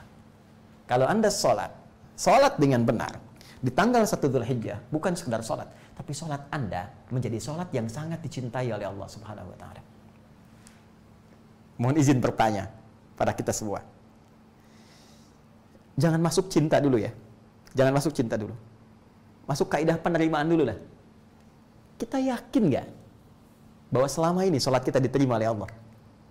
Huh? Yakin Ustaz. Bagaimana mengukur keyakinan itu? Karena ada ukurannya. Ya, ada ukuran fikih, benar ditunaikan dari awal sampai akhir. Ya, ada ukuran kekhusyuan, ukuran hati dan seterusnya. Sekarang ada momentum, bukan sekedar ingin menunjukkan sholatnya diterima, tapi amalannya dicintai oleh Allah Subhanahu wa taala. Kan mustahil dicintai kalau nggak diterima. kalau orang cinta pasti menerima kan? Baik, apalagi Allah cinta, pasti Allah terima. Jadi momentum ini bukan sekedar menjadikan amalan kita diterima, tapi langsung dicintai oleh Allah Subhanahu wa taala. Dan saat Allah mencintai itu tak terbayang begitu Anda bangun malam, lalu kemudian Anda sujud malam satu di malam kedua, anda sujud malam-malam Anda bangun. Dalam tahajud Anda bermohon, Ya Allah, berikan rahmat kepada keluargaku. Ya Allah, jangan pisahkan aku dan keluargaku di akhirat nanti. Ya Allah, berikan kemudahan pada anak-anakku yang belajar. Ya Allah, jadikan kami mendapatkan rahmat di keluarga. Ya Allah, sayangi ibu saya, ya Allah. Sayangi ayah saya, ya Allah. Luar biasa. Bukan sekedar kalimat penerimaan dijanjikan, tapi rahmat akan diturunkan. Ini. Maka dari itu, ya banyak orang bersiap-siap dari sekarang. Karena sholat ini umum sifatnya. Kalau umum itu artinya mencakup fardu dengan sunnah. Maka dari sekarang, coba teman-teman bikin kurikulum. Sholat apa saja yang bisa dimaksimalkan. Sehingga kita bisa tunaikan di rentang waktu ini. Ya, bukan cuma fardunya. Yang lima waktu 17 rakaat. Subuh sampai dengan isyanya. Teman-teman ada sholat sunnah, rawatib. Dua rakaat sebelum subuh. Empat rakaat sebelum bohor, dua rakaat setelah bohor, dua rakaat setelah maghrib, dua rakaat setelah isya. Ada sholat mutlaknya, empat rakaat sebelum asar, ya dua rakaat sebelum isya. Ada sholat duhanya, ada syuruknya. Ayo maksimalkan. Ya, kapan lagi sholat kita dicintai Allah? Ya, infak. Makanya tadi saya katakan, ya mohon izin, kalau ini kan amalan murni fisik, sholat itu amalan murni fisik, tidak ada orang sholat bayar. Ya, tapi tadi saya katakan di awal ada sedikit amalan harta yang bisa kita maksimalkan. Apa itu? Infak. Ya. Ya nggak usah memaksakan diri terlampau banyak. Bisa kita nabung pelan-pelan. Ya. Nanti yang yang tingginya kita bisa maksimalkan di untuk 10 ini. Dengan amalan yang nomor 2 nanti kita sebutkan khusus amalan harta. Saya ingin katakan begini. Ini saking pentingnya amalan ini, khususnya nanti di amalan harta untuk dieksekusi tanggal 10. Teman-teman, ada sahabat-sahabat Nabi yang dikenal sangat terbatas kehidupannya seperti Bilal bin Rabah radhiyallahu taala anhu. Tidak seperti Uthman bin Affan radhiyallahu taala anhu. Enggak seperti Abdurrahman bin Auf radhiyallahu taala anhu yang asetnya banyak, kayanya luar biasa, enggak berbilang. Bukankah orang kaya terbagi tiga? Kaya, kaya banget dan kebangetan kayanya. Nah, ini ada sahabat-sahabat Nabi yang kebangetan kayanya. Bilal tidak mencapai satu di antara tiga itu. Tapi untuk memaksimalkan amalan ini, nabung kawan-kawan. Nabung. Supaya bisa memaksimalkan apa yang ditunjukkan Nabi demi meraih cinta Allah ini satu sahabat yang oleh Nabi disebut saya dengar perumpah Bilal di surga. Saya dengar perumpahnya. Jadi ada sahabat yang sudah dijamin oleh lisan Nabi masuk surga masih beramal dengan amalan ini walaupun terbatas untuk mendapatkan cinta Allah. Antas di mana kita? di mana kita? Yuk, ini kita lihat. Jadi kita bisa bikin anggaran walaupun saya punya 500 ribu, punya 100 ribu, punya sejuta, Alhamdulillah. Kita bisa maksimalin bisa setiap hari 100 ribu kita bagi, ya kan? Ah, anak-anak kita kita bagi itu. Kamu berdonasi anak ya latihan gini-gini dan sebagainya. Sehingga merata rahmat Allah diberikan pada keluarga kita. Ya. Al-Quran. Bikin target teman-teman. Ya. Berusaha Bismillah. Ya berusaha Bismillah. Jadi kita bikin target misalnya 1 sampai 9 hari taruhlah dengan malam 10 nya ada 10 dari 30 juz misalnya satu hari kita selesaikan 3 juz ya Wow, jangan wow dulu. Ya, usahakan dulu. Target kan bikin yang tinggi dulu. Nanti kan nyampe nya agak lumayan. Daripada Anda pasang tiga ayat, nanti sehari cuma seayat yang dibaca. Ya. Pasang dulu yang agak tinggi, nanti jatuhnya berapa, nggak masalah. Yang penting kita tambah di luar kebiasaan kita. Sekarang satu halaman. Eh, ini saya niatkan nih, misalnya lima halaman per hari. Dibagi lima waktu sholat. Setiap waktu sholat satu halaman. Waktu sholat satu halaman. Yang penting kita tunjukkan kesungguhan supaya Allah ridha. Ini ya. Demikian seterusnya yang penting maksimalkan tanggal 1 sampai 9 beramal amalan-amalan dimaksud. Nah, ada rahasia. Langkah cepat yang dengan satu amalan ini yang lain itu bisa tercakup. Ya. Apa rahasianya? Apa amalannya? Secara singkat, Nabi mencontohkan, mengarahkan untuk bisa memperbanyak ibadah puasa. Dan ini banyak disampaikan sahabat-sahabat Nabi termasuk di antara istri tercinta beliau Sayyidah Aisyah radhiyallahu taala anha yang menyampaikan Rasulullah SAW terbiasa memperbanyak puasa, memperbanyak puasa. Redaksinya ya, dari tanggal 1 sampai 9 ini khususnya nanti tanggal yang 9-nya. Jadi rahasianya ada satu amalan yang saat dikerjakan bisa mencakup amalan-amalan ini secara otomatis. Amalan itu siam, puasa. Ya. Asyam bukan asyap, asyam, ya. asyam, ya, puasa. Nah, maka teman-teman, yuk bisa kita siapkan. Siap tanggal satunya jatuh hari apa? Siapin. Boleh puasa, memperbanyak. Redaksi memperbanyak itu, ya ini bisa umum tafsirannya. Yang biasa puasa misalnya, boleh beruntun 1 sampai 9, boleh. Kecuali 10 kita tidak puasa. Ya. 1 sampai 9 boleh puasa. Ada yang misalnya terlampau banyak Ustaz, boleh nggak saya satu hari puasa sekali, besoknya tidak dulu? Boleh. Bahkan, mohon izin, Anda hari pertama puasa, dua tidak, tiga tidak, empat mau, silahkan. Ya, limanya berhenti, enam mau, silahkan. Yang penting redaksinya perbanyak puasa. Kenapa puasa ini menjadi penting? Karena saat orang puasa, otomatis amalan-amalan soleh yang lain akan terikutkan di dalamnya. Ya, bukankah orang puasa saat mengerjakan itu, jangankan yang fardu, yang sunnah pun akan ikut. Karena dia ingin melengkapi keutamaan puasanya. Karena itu cek saat Ramadan. Ya, jangankan ibadah fardu, yang sunnah pun kita buru. Tarawih itu kan ibadah sunnah, kawan-kawan. Ya, silahkan cek. Tapi kan saat Ramadan, kita nggak ingin kehilangan tarawih itu. Bahkan kadang-kadang di waktu-waktu normal, ada bahkan kalangan ibu-ibu bisa masang sejadah, kapling sejadah duluan di masjid untuk tarawihnya, bukan untuk isyanya. Saya kebayang kan? Padahal itu sunnah. Maka orang yang sedang puasa, untuk sholat sunnahnya bisa dia kerjakan. Untuk infaknya, saat tidak puasa, yang terlihat depan mata belum tentu diberi. Saat puasa, yang tak ada pun bisa dicari. Ya, baca Quran bisa terdorong kita untuk maksimal. Ya, karena itu, ini maksimalkan. Kalau misalnya berhalangan tanggal 1, tanggal 2 tidak memungkinkan, maka sedapat mungkin maksimalkan tanggal 9 karena ini istimewa. Tanggal 9 ini pengantar kepada keutamaan tanggal 10-nya. Dan ini nanti sebagai kunci untuk bisa mendapatkan rahmat Allah yang diberikan pada orang-orang yang haji. Teman-teman masih ingat puncak haji itu tanggal berapa? Di bulan Dzulhijjah? 9 kan? Ya, 9. Bukankah dikenal dengan hari Arafah? Ya kan?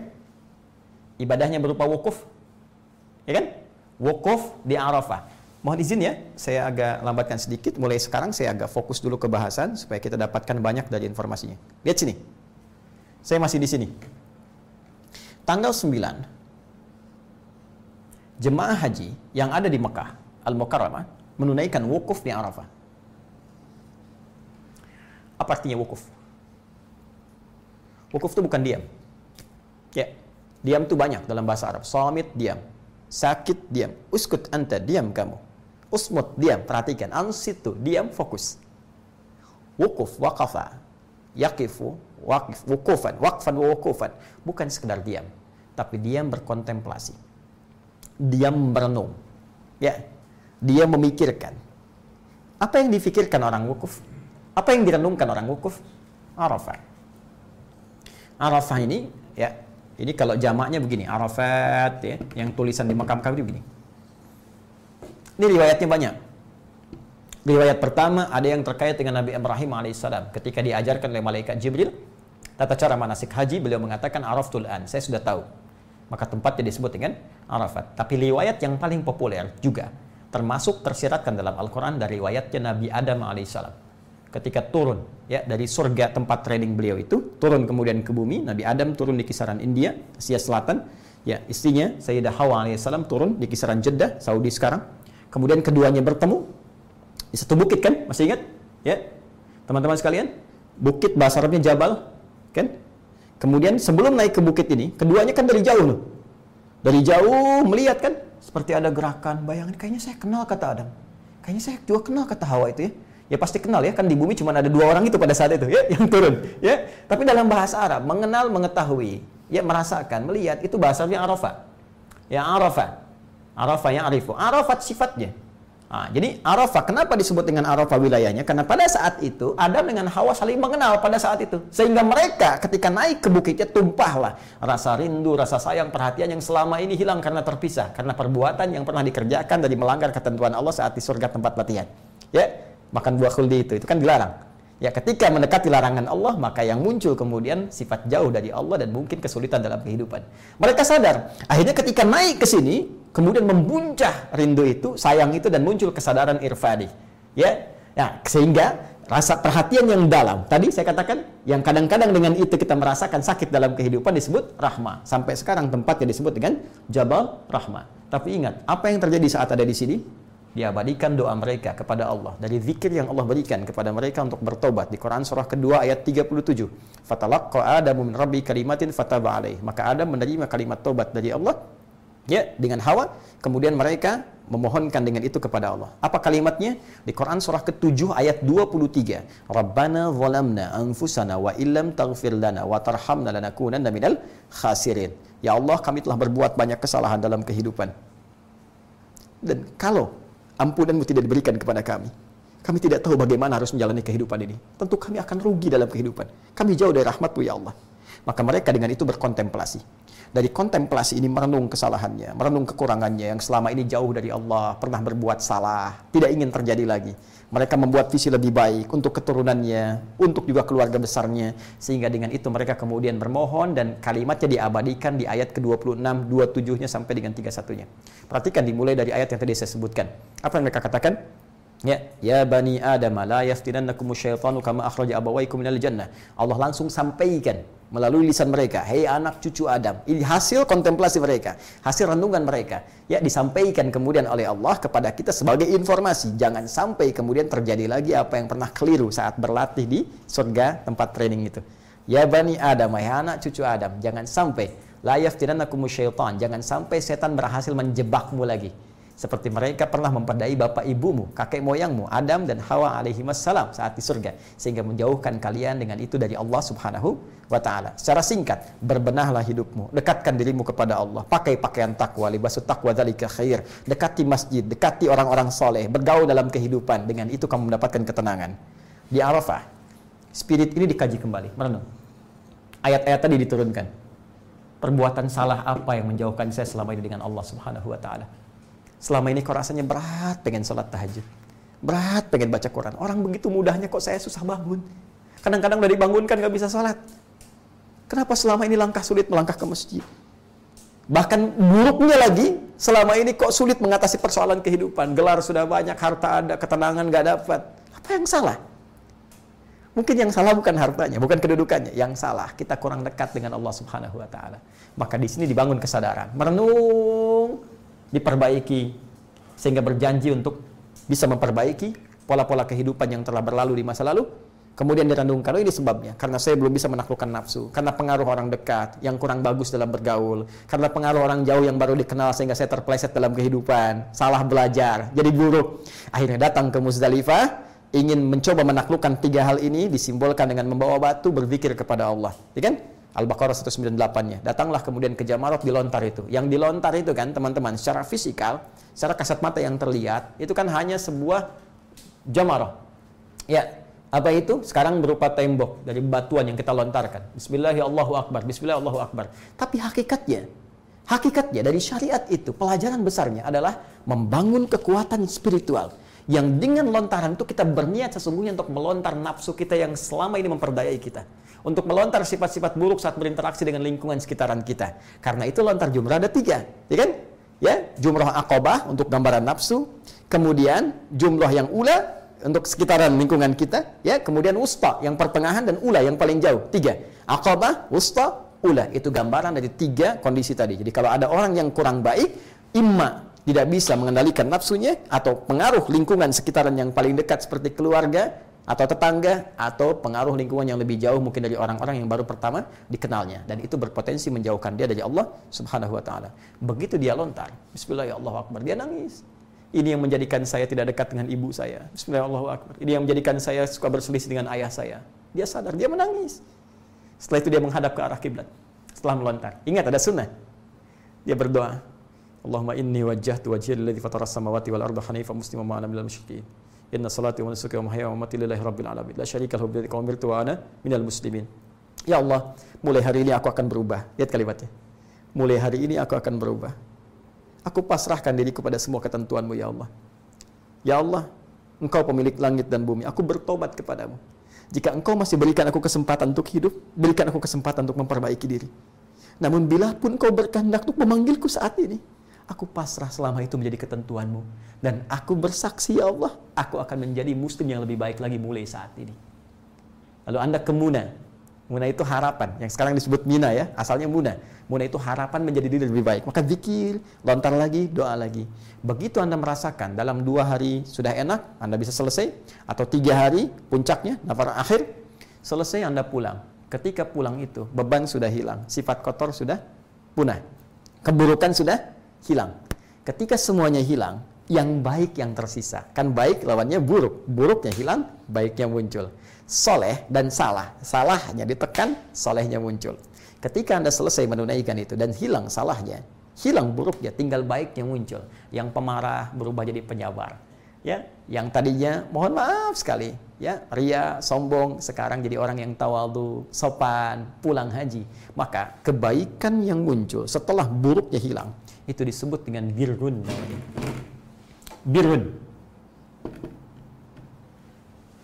Kebaikan yang muncul setelah buruknya hilang. Tadi dilontar hilang hilang hilang. Kontemplasi. Direnungkan. Ditaubati. Ditangisi. Ditinggalkan. Sehingga tanggal semua itu dari tubuh kita. Sifat kebaikan yang muncul disebut birun. Kalau birun ini, kebaikan ini melekat dalam tubuh kita dan menjadi perilaku. Setelah pulang jadi lebih baik, maka berubah kalimatnya dari birun menjadi mabrurun. Mabrur. Dari sini muncul istilah haji mabrur. Ya, itu haji yang bisa merubah seseorang pelakunya lebih baik dari sebelumnya. Nah, sekarang perhatikan baik-baik yang wukuf saat berkontemplasi. Tanggal berapa itu? 9. Ya. Baik. Kalimat tabinya apa? Al-Hajju Arafah. Puncak haji, intinya ada di Arafah. Sekarang bagi kita yang tidak berhaji, ada kalimat yang diksinya berbeda, tapi substansinya serupa. Bahkan Nabi menyebut spesifik tanggal 9 ini dengan kalimat Arafahnya. Kata Nabi, Siyamu yaumi Arafata untuk hari ke-9 Nabi tidak menyebut ha, puasa hari ke-9 Dhul Hijjah tapi Nabi menyebut dengan momentumnya siamu yaumi arafah puasa yang khusus ditunaikan pada momen arafah itu. Siam menunjuk pada cara puasanya. Awas puasanya.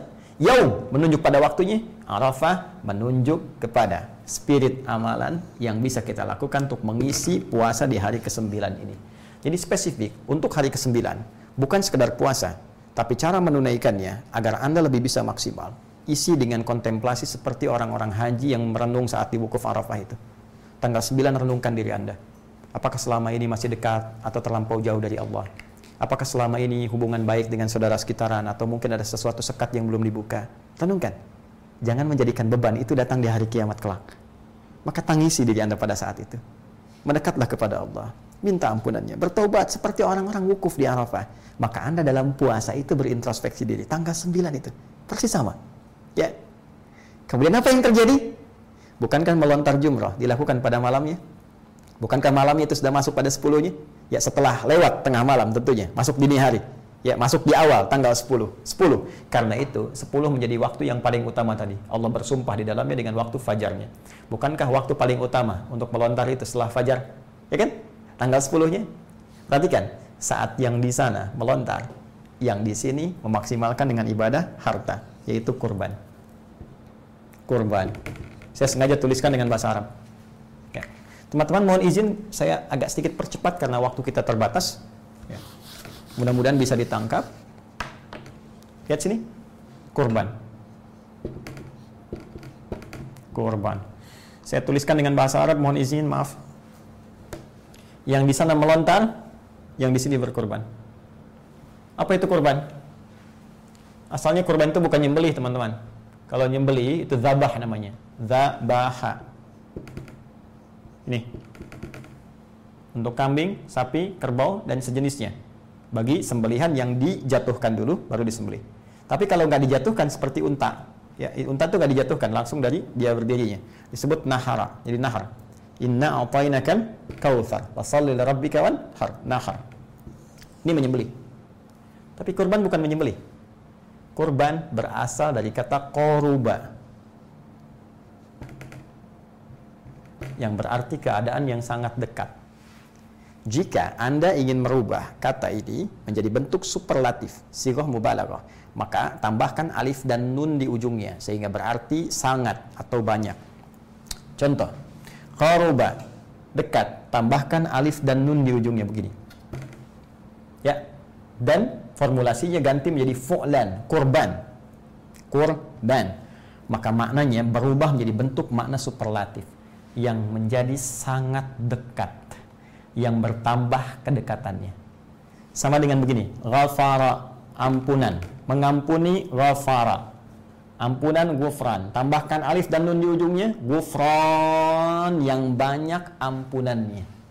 Anda keluar dari toilet dan mengatakan gufranaka ya Allah mohon maaf ya Allah. Mohon hamba mohon banyak-banyak ampunan karena selama di toilet ini nggak bisa zikir kepadamu Harusnya kan kita berzikir setiap waktu karena masuk toilet gak bisa zikir, kita minta banyak ampunan-ampunan Allah.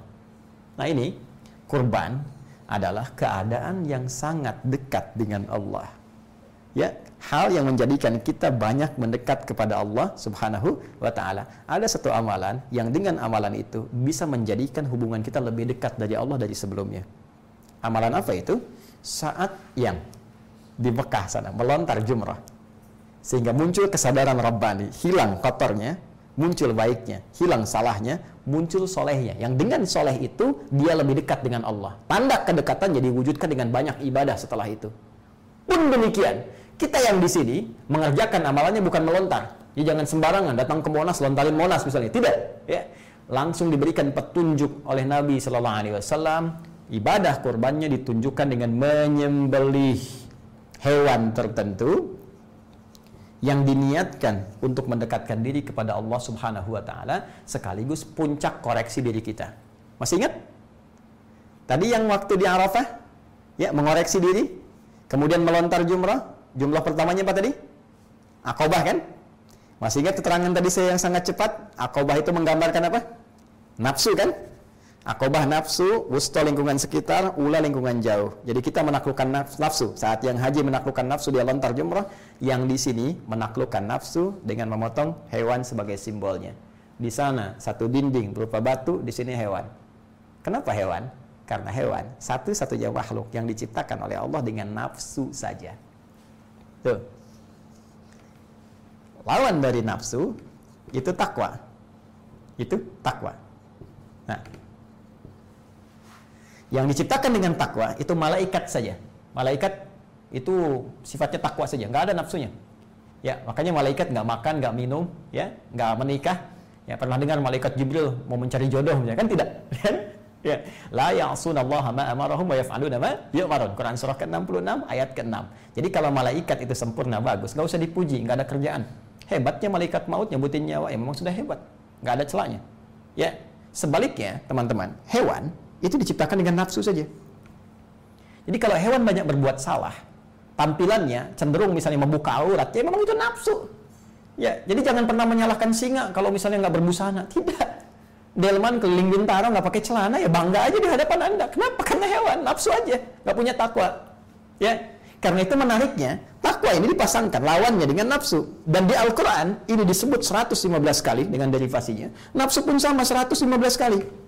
Dan manusia ada di tengah-tengahnya. Dia punya sifat-sifat malaikat dengan nilai-nilai takwa tadi, tapi juga ada sifat hewani dengan nafsunya. Cuman persoalannya kadang sifat mulia ini yang baik takwa. Di sini ada jujur, ada rendah hati, ada sabar, tertutupi dengan sifat nafsu tadi. Yang sering dimanfaatkan oleh setan.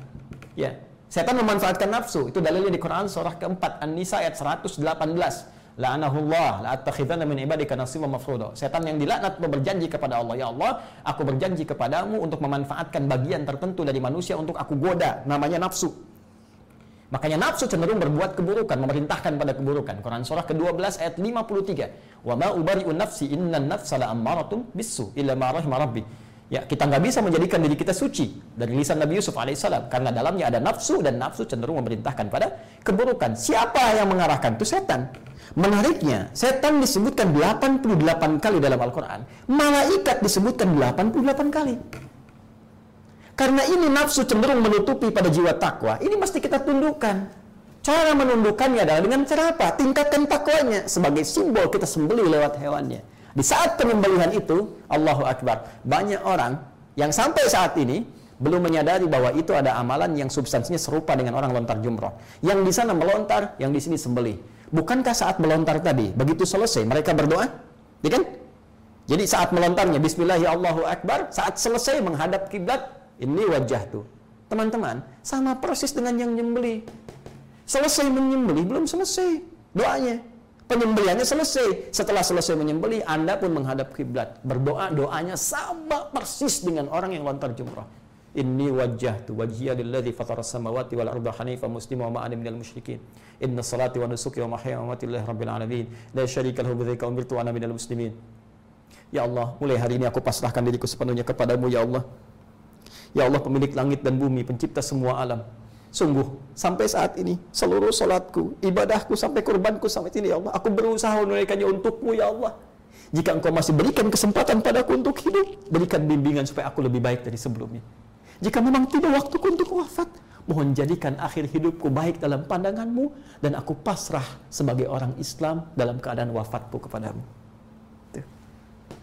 Kalaupun Anda tak sembelih, orang lain yang sembelih, tanyakan, kapan disembelihnya hewannya? Pada saat disembelih, begitu selesai Anda menghadap kiblat berdoa. Jadi ketika Anda selesai berdoa, mesti muncul perbedaan. Apa perbedaannya? Karena Anda telah mengawali dengan puasa. Di puasa Anda mengoreksi diri. Yang ini wukuf, yang ini puasa. Ya, Anda nggak usah gengsi tanya pada pasangan. Apa kesalahan saya selama ini? Apa yang kurang-kurangnya? Seperti orang wukuf bertanya, kesalahannya apa? Dia koreksi pada saat itu. Tanya kawan-kawan. Ya, Anda introspeksi diri, Anda muhasabah di situ Anda menilai, Anda melihat tangis diri Anda. Kalau belum pagi bisa menangis, siang menangis. Kalau siang belum bisa menangis, sore asar menangis. Kalau belum bisa menangis, menjelang maghrib menangis. Kalau nggak bisa juga malam, malam sepuluhnya, takbir, menangis kepada Allah. Atau tangisi diri Anda yang belum bisa menangis. Jelas? Jadi begitu ini selesai, Anda menyembeli tanggal 10, ya dengan amalan harta tadi, yang di sana lontar jumrah. Maka tandanya, setelah itu kita bahagia. Maka dengan bahagia itu kita banyak bertakbir kepada Allah. Allahu Akbar, Allahu Akbar, Allahu Akbar. Seperti orang yang sana pun bertakbir, yang sedang berhaji. Begitu mereka tuntas kemudian bertakbir, kita menunaikan sama-sama amalan. Orang yang haji, segitu mereka tawaf ifadah, ya kan?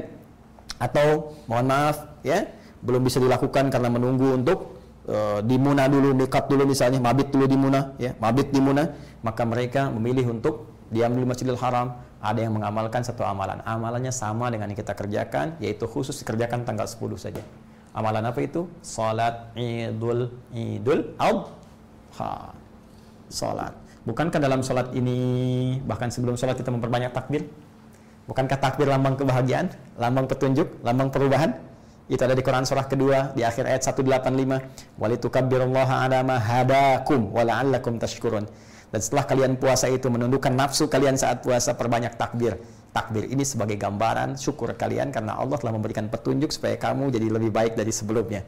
Sama persis Idul Adha kita bertakbir untuk menunjukkan kita bersyukur kepada Allah ada perubahan dalam hidup. Saya sudah bisa puasa, saya sudah bisa beramal, saya sudah mau berubah, saya pengen lebih baik dalam pandangan Allah. Walaupun wafat mudah-mudahan husnul khatimah wafatnya. Maka Anda kemudian sudah berkurban, sudah sholat. Bukankah kurban dan sholat gambaran dari syukur kita kepada Allah yang dilukiskan di Quran surah Al-Kautsar itu? Inna a'tainakal kautsar. Muhammad SAW dengan segala keagunganku kata Allah, kami telah jamin kepadamu semua pemberian yang paling istimewa. Banyak pemberiannya. Maka kalau saya berikan kata Allah, fasalli, maka salatlah li rabbika, ikhlas karena Rabbmu, wanhar dan berkurbanlah. Kita mengamalkan semua itu kurban dan salat saat Idul Adha. Maka berlakulah persamaan itu. A'tainak. Allah akan jamin memberikan semua nilai-nilai kasih yang terbaik untuk kita terkhusus ampunan dosa-dosa besar. Maka pertanyaannya, adakah di antara kita yang ingin mendapati ini semua dan tidak mudah mendaki satu puncak yang terjal, butuh persiapan. Anda mau ke Himalaya, ke Everest, ingin mendaki sesuatu, ya? Bukankah persiapan Anda lebih maksimal? Bahkan tabung oksigennya disiapkan, perlengkapannya segalanya untuk mendaki dunia saja. Bagaimana maksimal disiapkan persiapan Anda? Maka untuk mendaki puncak tingginya Firdaus itu nampaknya penting kita berbenah saat ini sebelum masuk tanggal 1 sampai 10 Dzulhijjah itu. Semoga waktu ini begitu efektif untuk kita niatkan karena kita belum tahu di titik mana kita berpulang kepada Allah Subhanahu wa taala. Mungkin dengan niat ini setidaknya mendapatkan dan menghadirkan gerbang awal perubahan kita untuk lebih baik dalam pandangan Allah Subhanahu wa taala. Saya kira ini yang saya sampaikan teman-teman sekalian. Mohon maaf bila terlampau panjang. Saya mencoba untuk mempercepat supaya mengefektifkan waktu kita. Ya, e, dan mudah-mudahan bisa tertangkap. Yang belum mungkin kita bisa diskusikan dari sisa waktu yang kita bisa manfaatkan. Demikian, mohon maaf dengan segala kerendahan hati. Mohon berkenan meluruskan kalau ada yang kurang tepat dan terima kasih. Saya menunggu arahan selanjutnya dari Mas Adrian dan teman-teman apakah ada diskusi atau bagaimana selanjutnya. Terima kasih. Assalamualaikum warahmatullahi wabarakatuh. Waalaikumsalam warahmatullahi wabarakatuh. Jazakallah khair Ustaz tadi hidayah.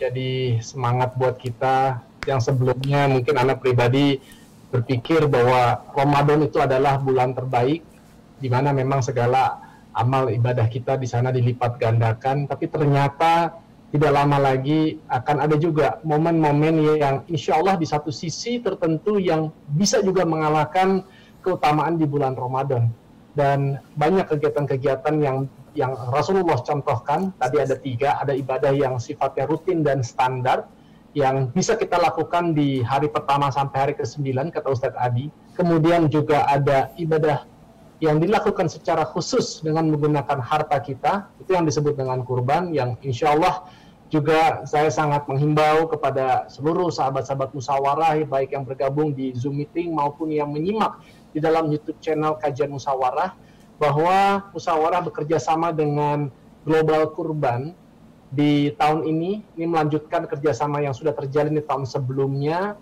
kita bisa melakukan kurban tidak hanya di tanah tanah air Indonesia di 34 provinsi melainkan juga di negara-negara sahabat-sahabat kita semua yang ada di Gaza, Palestina, di Yaman, di Syria. Jadi teman-teman juga tidak hanya bisa berkurban dalam bentuk kambing, sapi, tapi bahkan juga unta.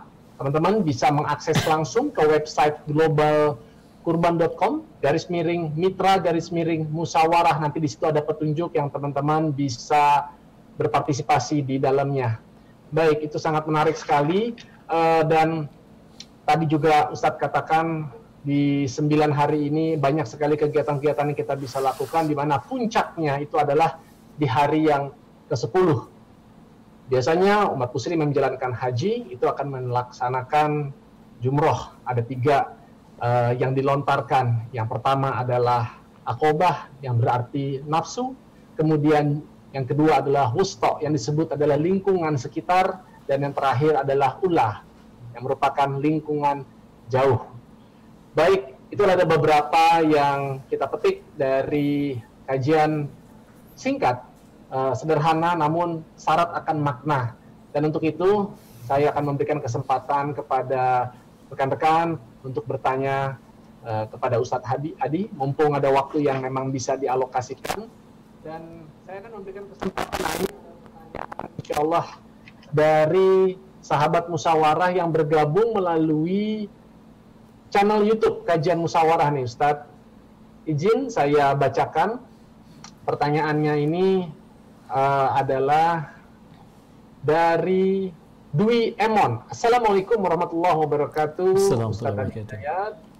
Saya tanya, di mana jika saya mendawamkan puasa Daud, lalu bagaimana kalau itu bertepatan dengan puasa yang Ustadz baru jelaskan? Mohon pencerahannya Ustadz. Ya, apa Ustadz tadi? Baik, bismillah. Semoga Allah muliakan uh, Mas Dwi Emon tadi ya dengan kemuliaan terbaik dengan keluarganya dan tentunya diberikan yang sama kepada kita semua. Amin. Prinsip ya dalam ibadah itu selalu memiliki turunan hukum. Hukum itu dibagi lima. Begini kalau kita uh, tampakkan jari kita ya ini ada uh, lima hukum. Pertama perpengahan itu mubah namanya. Ini ya yang jari tengah ini mubah. Kalau kita tarik ke kanan, ambil kanannya ya ke kanan. Ini naik jadi sunnah. Ya, ambil lagi ke kelingking ke kanan lagi ke sini jadi wajib ya. Antara sunnah dengan wajib ini muakkadah ya sunnah muakkadah. Tarik ke kiri makruh nggak disukai kan? Tarik ke kiri lagi ke jempol ini haram. Ini cara paling gampang untuk belajar hukum. Tak tarihi al kamul khamsah. Jadi kita bisa mengetahui lima hukum. Tengah-tengah mubah tarik kanan sunnah kemudian wajib antara wajib dengan sunnah pertengahan ini sunnah muakkadah kemudian ke sini makruh ke sini haram Nah sekarang kita bicara kepada perintah, perintah yang baik-baik saja. Kita tutup yang duanya ini, kan? Perintah yang baik-baik, baik. Tadi ada mubah, ada sunnah, ada kemudian uh, wajib. Yang mubah itu makan, ya itu mubah kan? Makan, minum yang bermanfaat, ya. Kalau sudah masuk kepada nilai ibadah, maka berubah naik dari mubah kepada sunnah atau wajib. Sekarang kita lihat puasa, konteks puasa Daud. Puasa Daud masuk pada hukum sunnah ya yang wajib Ramadan. Jadi yang wajib itu cuma dua jenis puasa. Satu puasa Ramadan, yang kedua nazar, ya kan? Nazar. Ya, selainnya itu sunnah. Sunnah nanti dibagi dua, ada sunnah muakkadah, ada sunnah biasa. Kalau sunnah biasa itu sunnah yang berlangsung menjadi kebiasaan kita untuk puasa, muakkadah itu lebih naik lagi levelnya. Kalau satu sunnah yang biasa bertemu dengan yang muakkadah, maka yang biasanya berhenti, yang muakkadahnya dikerjakan. Ya, contoh, saya biasa puasa Senin Kamis, ya, Senin Kamis, Senin Kamis. Kemudian ada ayamul bid, pertengahan. Alam ayamul bid puasa pertengahan jatuhnya pas Kamis atau Senin. Maka misalnya Senin Kamisnya berhenti niatkan ayamul bid. Menariknya ada hadis riwayat sahabat Abu Hurairah radhiyallahu taala anhu tercantum dalam Sahih Al Bukhari. Nabi SAW bersabda, "Idza maridal 'abdu aw safar, kutiba lahu mithla ma kana 'alaihi muqiman sahiha." Jika seorang hamba sakit atau punya uzur tertentu atau dia bahkan safar, tidak menunaikan amalan rutin yang biasa dia kerjakan, maka tetap amalan rutinnya itu diberikan pahalanya. Jadi kalau ada orang puasa ayamul bid jatuh di hari Senin Kamis misalnya, dia tidak puasa Senin atau Kamisnya, tetap puasa Senin Kamisnya diberikan pahalanya dengan puasa ayam bidnya. Dia naik lagi levelnya ke puasa Daud misalnya. Ya, puasa Daud dia kerjakan sehari puasa, sehari tidak. Senin puasa, Selasa tidak. Rabu puasa, Kamis tidak. Ingat, kalau sudah puasa Daud, Senin Kamis pun mengikuti kepada ritme Daud. Ingat ya. Di kalau Senin puasa, Daud, Selasa tidak. Rabu puasa, Kamis tidak. Kamis jangan puasa. Ketika Anda puasa Daud, maka puasa yang Senin Kamis tadi itu pahalanya sudah masuk dalam puasa Daud. Sekarang puasa Daud bertemu dengan puasa yang lebih tinggi lagi tingkatannya. Itu puasa apa? 10 9 hari pertama di bulan Zulhijjah, bahkan puasa Arafahnya. Maka jika ini kemudian muncul yang diutamakan maka puasa yang 9 harinya. Kenapa? Karena puasa Daud itu bisa dikerjakan dalam hari-hari yang rutin. Tanpa Zulhijjah pun bisa puasa Daud. Tapi yang 9 hari ini itu hanya spesifik. Di bulan Zulhijjah saja. Maka kalau Anda ingin naik level, Anda bisa tunda dulu puasa Daudnya, kemudian Anda kerjakan hari pertama, kedua, tiga, empat, sampai puncaknya 9. Atau kalau Anda biasakan Daudnya juga boleh. Supaya misalnya Anda sehari puasa, sehari tidak. ya Boleh. Hari pertama puasa. Tanggal kedua tidak, hari ketiga puasa, keempat tidak, kelima puasa, enam tidak, tujuh puasa, delapan tidak, sembilan puasa. Pas ya? Baik, ini pas sifatnya. Tapi kalau Anda ingin lebih, Anda boleh lebih. Hari pertama puasa, dua tidak, tiga puasa, empat puasa, lima puasa, enam tidak. Boleh, karena redaksinya memper banyak. Jadi kalau bertemu puasa Daud dengan 9 hari tadi diutamakan yang 9 hari khususnya Arafahnya karena nilainya muakkada kemudian lebih istimewa karena datang setahun sekali tidak terkait erat dengan rutinitas puasa Daud yang bisa dikerjakan di luar bulan Dzulhijjah. Saya kira itu Mas Adrian wallahu taala adam bisawab dan patut digarisbawahi puasa Daud hanya ada puasa Daud tidak ada sholat Daud jadi tidak ada sholat subuh, sholat duhur tidak, asar, sholat maghrib tidak. Nah, itu namanya bahasa Jepangnya belang betong. Baik Ustaz. Allah taala alam bisawab. Fadal. Ustaz bisa aja mak makin malam ini makin menghibur nih. Gak apa-apa Ustaz, biar makin semangat nih. Tapi saya perhatikan di sini makin malam ternyata Wah, teman-teman tetap semangat. Ada 109 partisipan dan banyak, mungkin kurang lebih hampir setengahnya ini yang pasangan suami istri, Ustaz. Jadi alhamdulillah di luar dari yang bergabung di saluran YouTube Musyawarah, ini ada ratusan dari sahabat-sahabat Musyawarah yang bergabung di sini dan cukup banyak pertanyaannya dan berikut ini uh, pertanyaan kedua. Baik, mungkin ini tidak uh, terlalu relevan dengan ini, saya akan skip dulu. Mungkin ini, baik masih terkait dengan puasa ya Ustadz. Ini Anda coba tanya, ini dari uh, saudara kita Bang Ava. Assalamualaikum Ustadz, mau bertanya, kalau puasanya hanya di hari Jumat saja diperbolehkan, apa harus Sabtunya puasa atau dari Kamis puasanya? Kalau jamaah haji berpuasanya sampai 1 sampai 9 Zulhijjah di tanggal 9-nya tetap berpuasa, apa diperbolehkan? Syukran. Baik, Allah. Semoga Allah muliakan kepada Anda. Afa, Afa punya dua pengertian nama. Afa bisa berarti sehat dan Afa dari kata Ifah yang menjaga kehormatan diri. Semoga Anda selalu disehatkan dan menjaga kehormatan diri Anda di hadapan Allah Subhanahu wa taala. Terkait pertanyaan yang tadi disampaikan bahwa e, jemaah haji khususnya punya rukhsah ya punya keringanan yang spesial diberikan oleh Allah Subhanahu wa taala karena haji itu menuntut penyatuan antara ibadah fisik dengan harta.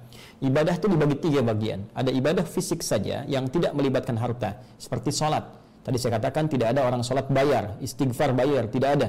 Ya untuk memohon ampunan dari Allah tidak ada pengampunan dosa dengan membayar uang tunai misalnya atau membayar transfer rekening tertentu. Cukup kita bermohon ibadah fisik Allah kemudian memberikan petunjuk kepada kita untuk bisa kita memohon ampunan. Yang kedua ibadah harta saja seperti infak misalnya, zakat itu ibadah harta. Ya, uh, ada penggabungan keduanya. Ada harta, ada fisik digabungkan. Apa contohnya? Haji. Ya, karena itu ibadah fisik dengan harta, Anda bayangkan, fisik saja pahalanya banyak. Orang sekali sholat, kalau tidak berjamaah 10 pahalanya. Quran surah ke-6 ayat 160. Manja abil hasanati falau asyru amthaliha. Ya, 10 ini jangan dianggap main-main karena di hadis Muslim orang datang ke masjid saja niat ibadah belum ngapa-ngapain dapat 25. Jarak satu kedua 500 tahun, dua ketiga 500 tahun. Jadi kalau kita mengambil analogi ini 10 satu kedua 500 tahun, dua tiga 500 tahun berapa banyak pahala dapatkan? Anda kesempatan lockdown bisa lebih banyak pahalanya. Suami jadi imam bagi istri bagi anak-anak. Berjamaah 27. Jadi Amalan fisik pahala banyak. Amalan harta karena nggak semua orang bisa. Fisik semua orang bisa. Ya bahkan nggak bisa berdiri bisa duduk. Amalan harta nggak semua. Mesti ada harta. Karena itu amalan harta paling minimal 700 kali lipat ya dari yang biasa. Contoh Quran surah kedua ayat 261. Orang yang infak, mathalul ladzina yunfiquna amwalahum fi sabilillah kamathali habbatin ambatat sab'a sanabil fi kulli sumbulatin mi'atu habba. Perumpamaan orang infak di jalan Allah baru infak maka setiap yang dikeluarkan dinilai seperti satu benih tumbuh tujuh tangkai dari setiap tangkai ada seratus benih baru. Jadi satu kali tujuh kali seratus tujuh ratus itu yang standar. Di luar itu tergantung keikhlasan bisa lebih banyak lagi. Jadi Anda bayangkan, amalan fisik pahala banyak, amalan harta banyak. Kalau digabungkan keduanya, seperti apa pahalanya? Maka tidak ada yang sepadan dengan haji mabrur kecuali surga. Karena sudah menggabungkan keduanya, amalan yang paling besar otomatis yang kecil-kecil jadi ringan, jadi rukhsah. Kayak puasa yang hari ke-9 rukhsah, ya kan? 1 sampai 9 rukhsah. Kenapa? Karena dia punya persiapan untuk wukuf, momentum yang lebih besar lagi. Karena itu bagi yang berhaji, bahkan sebagian ulama menyarankan sebaiknya tidak puasa. Ya, sebaiknya tidak banyak-banyak umrah dulu. Kenapa? Khawatir puncak nanti hajinya justru menjadi lemah sehingga haji tidak tertunaikan dengan maksimal ritualnya. Karena itu bagi yang berhaji sekali lagi akan lebih baik ya jika keutamaannya tidak berpuasa kecuali jika ada hal-hal tertentu yang memang menjadi nazar misalnya. Saya nazar kalau bisa haji saya pengen puasa sehari sebelum wukuf. Nah itu harus dilakukan. Tanggal 8-nya dia kemudian puasa. Kalaupun ingin puasa sesungguhnya tidak dilarang asalkan tidak melemahkan fisik dia untuk melakukan ritual-ritual haji yang menuntut kesiapan mental dan fisik selain harta tentunya.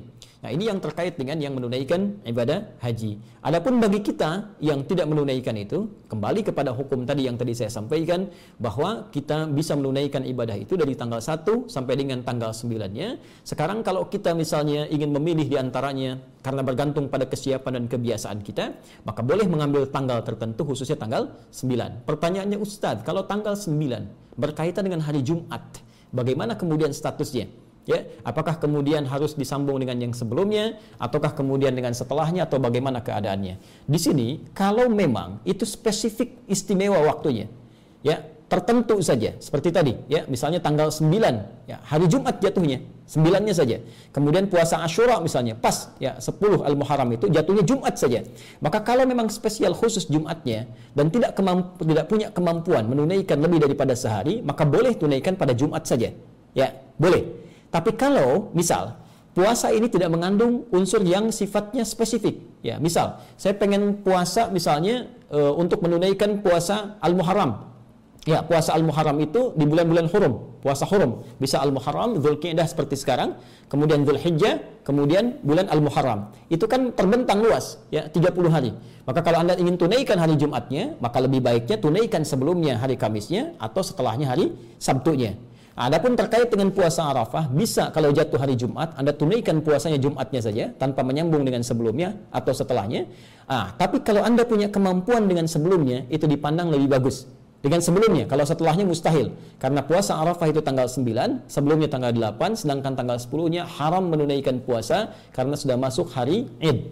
Ya, jadi kesimpulan cepatnya, jika puasa jatuh pada hari Jumat, maka lihat sifatnya kalau sifatnya khusus istimewa hanya untuk satu hari saja seperti Arafah, puasa Ashura, maka boleh dia tunaikan di hari Jumatnya tanpa menggabungkan dengan sebelum atau setelahnya. Tapi kalau sekiranya bisa menunaikan dengan yang sebelumnya, maka dipandang baik karena Jumat itu dipandang secara umum sebagai raya bagi umat Islam kecuali dalam kondisi-kondisi tertentu untuk berpuasa. Demikian wallahu taala a'lam bissawab. Baik, Alhamdulillah ini semoga bisa terjawab tadi uh, pertanyaan dari Afa ya. Semoga berkenan. Mungkin ini merupakan uh, satu pertanyaan terakhir karena waktu sudah menunjukkan jam 10 malam. Semoga teman-teman juga bisa memahami dan memaklumi. Pertanyaan ini terkait dengan amalan khusus karena insya Allah kalau amalannya rutin dan standar ini teman-teman sepertinya sudah cukup istiqomah. Masih terkait dengan ibadah kurban. Di mana nih pertanyaan datang dari sahabat kita Lutfi. Ya, Ustadz ini kan sekarang sudah zamannya berkurban via online dengan cara transfer. Lalu bagaimana mengenai keutamaan doa lempar jumroh dan menghadap kiblat gimana setelah sembelih? Di mana kan kalau kita secara online kita tidak bisa melihat langsung prosesnya. Ya, sedangkan juga tadi ya seperti kayak programnya musyawarah bersama dengan global kurban, kurban dilakukan di negara-negara lain. Nah, sebenarnya kalau dari segi hukum baiknya seperti apa? Apakah memang sama dengan yang kalau misalnya kita berkurban sendiri, bahkan kita sembeli sendiri? Mohon pandangan dari Ustadz. Apa Ustadz? Baik, uh, penunaian ibadah itu terikat dengan uh, kemampuan kita untuk berikhtiar dalam menunaikannya semampu yang bisa kita lakukan. Karena kaidah mengatakan dalam Al-Quran, Allah berfirman Quran surah kedua ayat 286, La yukallifullahu nafsan illa usaha. Allah tidak mungkin memberikan sebuah ujian, beban, atau bahkan syariat kepada kita di luar batas kemampuan kita. Nah untuk itu terkait dengan kurban tadi, jika kita bisa menunaikan langsung, kita yang bisa sembelih langsung, maka itu utama. Jika tak mampu menyembelih langsung, kita bisa melihat proses penyembelihannya. Sehingga dengan melihat itu kita bisa merenungkan dan menghadirkan makna-makna tadi ya kita merasakan oh ini hewan yang mau disembelih. Ini nafsu saya nih. Di sini saya harus bisa bermunajat kepada Allah. Di sini saya berkomitmen untuk menghentikan dorongan nafsu yang buruk itu. Di sini adalah awal titik perubahan saya. Jadi begitu tumpah darah itu keluar dan anda merasakan itu kotoran anda di situ anda berdoa kepada Allah. Kalau memang keadaan kondisi tidak memungkinkan, maka ad-darurat tubihul mahdhurat. Ya, darurat itu menjadikan yang biasa-biasa bahkan yang terlarang menjadi berubah hukumnya. Maka kalau tadi seperti kita ingin berkorban karena keutamaan tertentu, di sini sudah banyak yang tercover sudah banyak yang diberikan. Ya, ingat, kurban itu kalau kita masih ada di lingkungan yang membutuhkan, maka itu yang diutamakan. Tapi kalau ada yang tercover sudah baik, di tempat lain lebih membutuhkan dan sangat diperlukan, maka itu yang kita kemudian maksimalkan.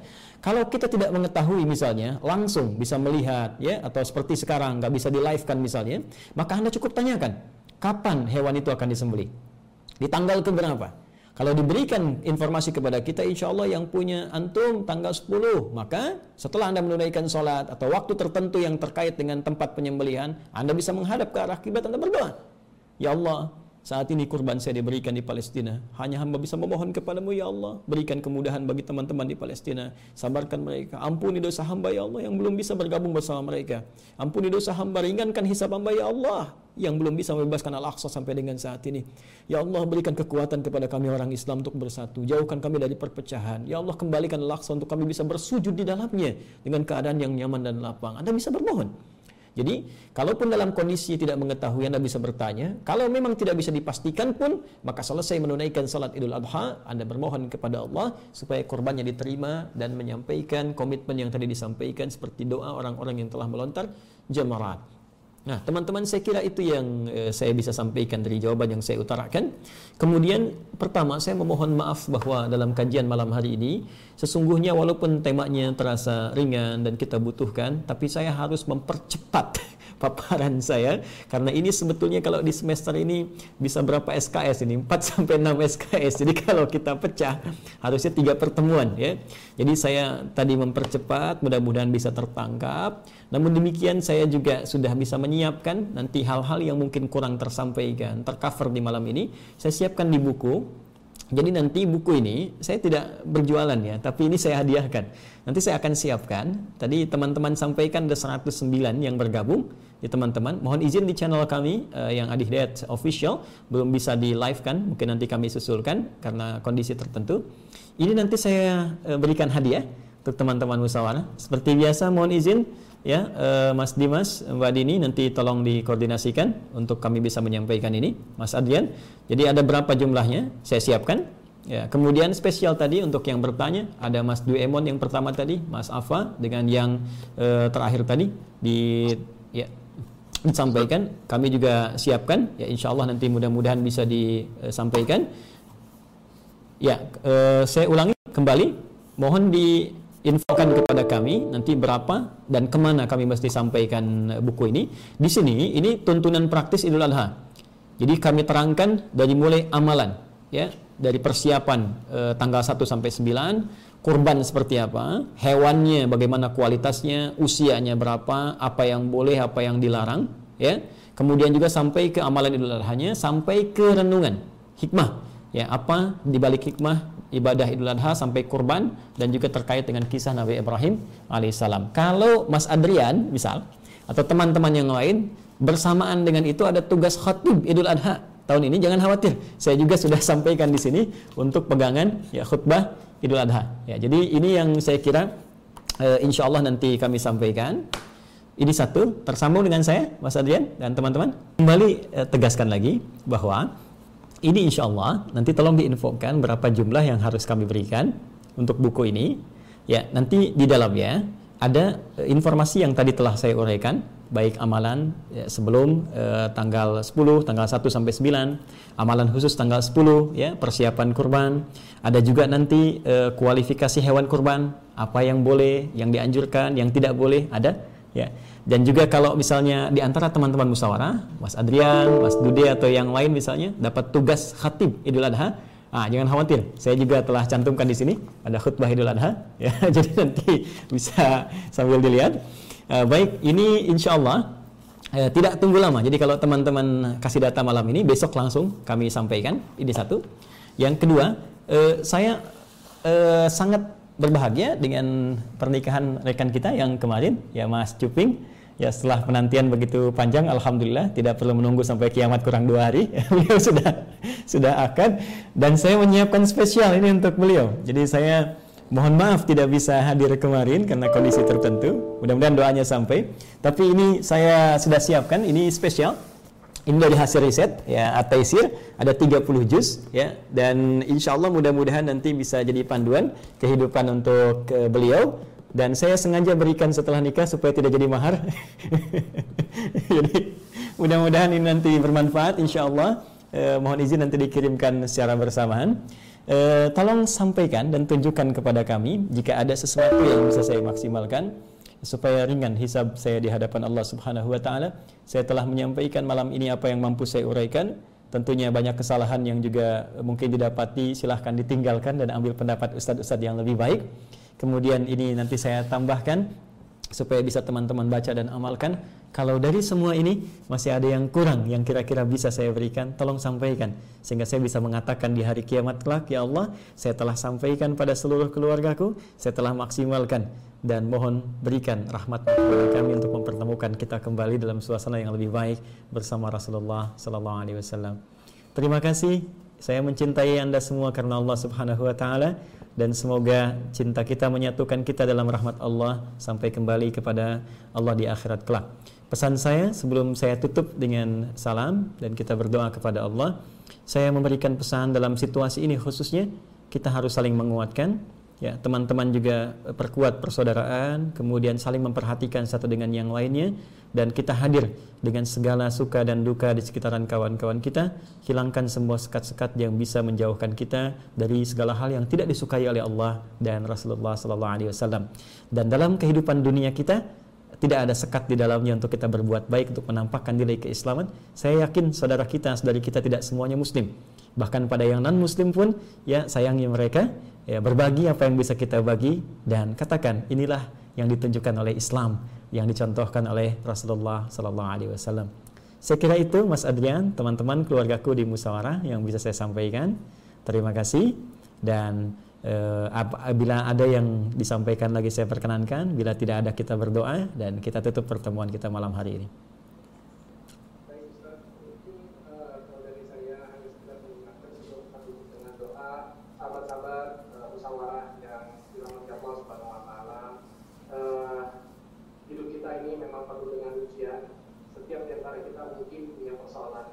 Tapi di sinilah pentingnya untuk kita selalu bersama-sama kita berukhuwah untuk saling kita bisa memberikan solusi, kita bisa saling menasihati tentunya dalam kebaikan dan dalam sabaran.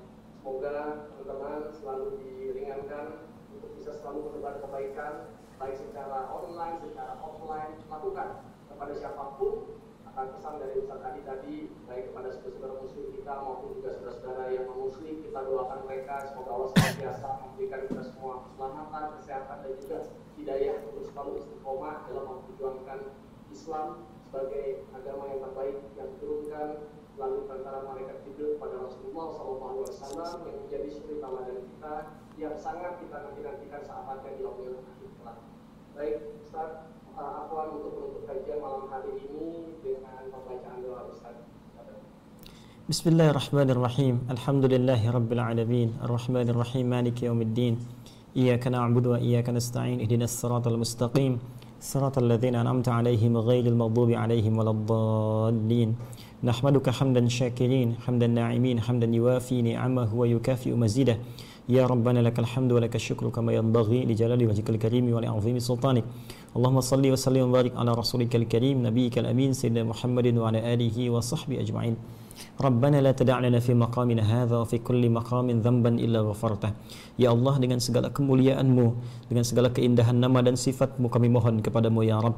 Jangan biarkan ada di tempat kami satu pun ya Allah yang tinggal-tinggal di tempat kami, di rumah kami atau di mana pun yang penuh dengan lumuran dosa kecuali Engkau gugurkan dosa-dosanya di malam hari ini ya Rabbal Alamin. Wala wala hamman illa farajtah. Jika ada di antara kami, keluarga besar kami yang tengah merasakan kesulitan, kegelisahan, maka mohon tenangkan jiwa-jiwa mereka ya Allah wala asiran illa yasartah. Jika ada yang tengah mengalami kesulitan dalam hidup mereka ya Allah kesulitan dalam pekerjaannya rumah tangga mereka atau dalam kesulitan kehidupan sosial kami ya Allah maka mohon angkat ringankan dan hilangkan segala kesulitan kami ya arhamar rahimin. Wala maridan illa syafaitah. Jika ada di antara kami yang tengah engkau uji dengan penyakit seberat apa pun ya Allah maka mohon sembuhkan segala penyakitnya ya arhamar rahimin. Allahumma rfa'an dal wabah wa khasatan corona ya rabbal alamin. Ya Allah mohon angkat dan hilangkan wabah covid dari lingkungan kami ya rabbal Rabbal Alamin. Jadikan ini sebagai pelacut kami untuk semangat menunaikan ibadah ya Arhamar Rahimin. Ampuni dosa-dosa kami ya Allah. Kalau dengan ini banyak dosa kami tampak sehingga kami jauh dari masjid ya Allah. Jauh dari ibadah kepadamu ya Arhamar Rahimin. Ampuni dosa-dosa kami. Kami mohon ampun, kami mohon rahmatmu ya Arhamar Rahimin. Allahumma qaribna ilaika ya Allah qurbanan hasana. Ya Allah beri petunjuk kepada kami agar kami bisa menunaikan amalan yang mendekatkan diri kami kepadamu dengan pendekatan yang terbaik ya Rabbal Alamin. Ya Allah, arsyidna wahdina ya Allah dari amali qabla dzil hijjah ya arhamar rahimin wa fi ashri awwaliha ya arhamar rahimin. Ya Allah kami mohon anugerahkan kami kesempatan bimbingan taufikmu untuk menyiapkan fisik kami mental kami harta kami agar memaksimalkan amalan di awal-awal dzul hijjah ya Allah. 10 hari pertama seperti yang telah engkau tunjukkan Rasul musiratkan ya rabbal alamin Rabbana atina fid dunya hasanah wa fil akhirati hasanah wa qina adzabannar. Ya Allah, anugerahkan segala kebaikan di dunia ini yang mampu kami dapatkan, kemuliaan di akhirat yang mampu kami raih dan jauhkan kami dari segala murka dan neraka-Mu. Alif baina qulubina, ati anfusana taqwaha wa zakkiha anta khairu man zakkaha. Allahumma ya Allah janib min at-tafraqah Ya Allah ya Arhamar Rahimin Satukan jiwa-jiwa kami Lembutkan hati kami ya Allah Bersihkan dari berbagai penyakit hati. Kami mohon ya Allah Satukan kami dalam kebaikan Jauhkan kami dari perpecahan ya Allah. Jauhkan kami dari perpecahan ya Allah. Allahumma khfad biladana Indonesia ya Allah Ma nahbah Ya Allah kami mohon Jaga Indonesia yang kami cintai ini ya Allah. Jauhkan kami dari perpecahan Berikan kami kemakmuran Tunjukkan kepada kami jalan-jalan kebaikan. Ahfad umara'ana ya Allah Wajalhum udala. Ya Allah berikan petunjuk hidayah kepada para pemimpin kami Agar mereka mereka bersadar, berbuat adil dalam keputusan mereka ya Allah. Tunjukkan kepada mereka dengan hati terdalam yang mereka miliki bahwa mereka semua akan dihisab dengan semua amalannya seperti kami dihisab di hadapanmu ya Rabbal Alamin. Allahumma khfad ulama'ana waj'alhum mukhlasin lahuddin. Ya Allah kami mohon jaga para ulama kami. Ikhlaskan amalan mereka ya Allah. Bersihkan niat mereka hanya untuk berdakwah dalam ridhamu ya Arhamar Rahimin. Wahfadna jami'an ya Allah bi Qur'anik wa bi huda rasulik. Ya Allah jaga kami dengan petunjuk Qur'anmu dan petunjuk Rasulmu sallallahu sallallahu alaihi wasallam. Allah taqabbal minna innaka antas samiul alim wa tub alaina innaka antat tawwabur rahim wa tawaffana muslimin husnal khatimah ya arhamar rahimin. Ya Allah, kami bersyukur berterima kasih atas semua nikmat anugerah kepadamu ya Allah. Mohon terima seluruh amal ibadah kami sampai dengan hari ini ya arhamar rahimin sampai detik malam hari ini. Jika tiba waktu kami untuk berpulang, walaupun di malam hari ini, maka jadikan kepulangan kami ringan, tenang, husnul khatimah ya Allah dan bila ada hari esok kami untuk beraktivitas maka mohon petunjukmu ya Allah agar kami bisa beraktivitas lebih baik daripada hari-hari sebelumnya. Berikan bimbingan kepada kami untuk menjauhi maksiat dan berikan kekuatan kepada kami untuk menunaikan taat yang dengan itu ringan hisab kami di hari kiamat menujumu ya arhamar rahimin. Bifadlika subhana rabbika rabbil izzati amma yasifun. Wa salamun alal mursalin. Wa akhiru da'wana subhanakallahumma wa bihamdika. Asyhadu an la ilaha illa anta astaghfiruka wa atubu ilaik. Walhamdulillahi rabbil alamin Terima kasih kepada teman-teman semua. Salam untuk keluarga. Maafkan saya dan titip doa dari semuanya. Subhanakallahumma bihamdika asyhadu an la ilaha illa anta astaghfiruka wa atubu ilaik. Terima kasih. Jika sudah agak mereda, mudah-mudahan kita bersua dalam kebaikan. Assalamualaikum warahmatullahi wabarakatuh. Syukran. Jazakumullah khair. Syukran. Baik. Bismillahirrahmanirrahim.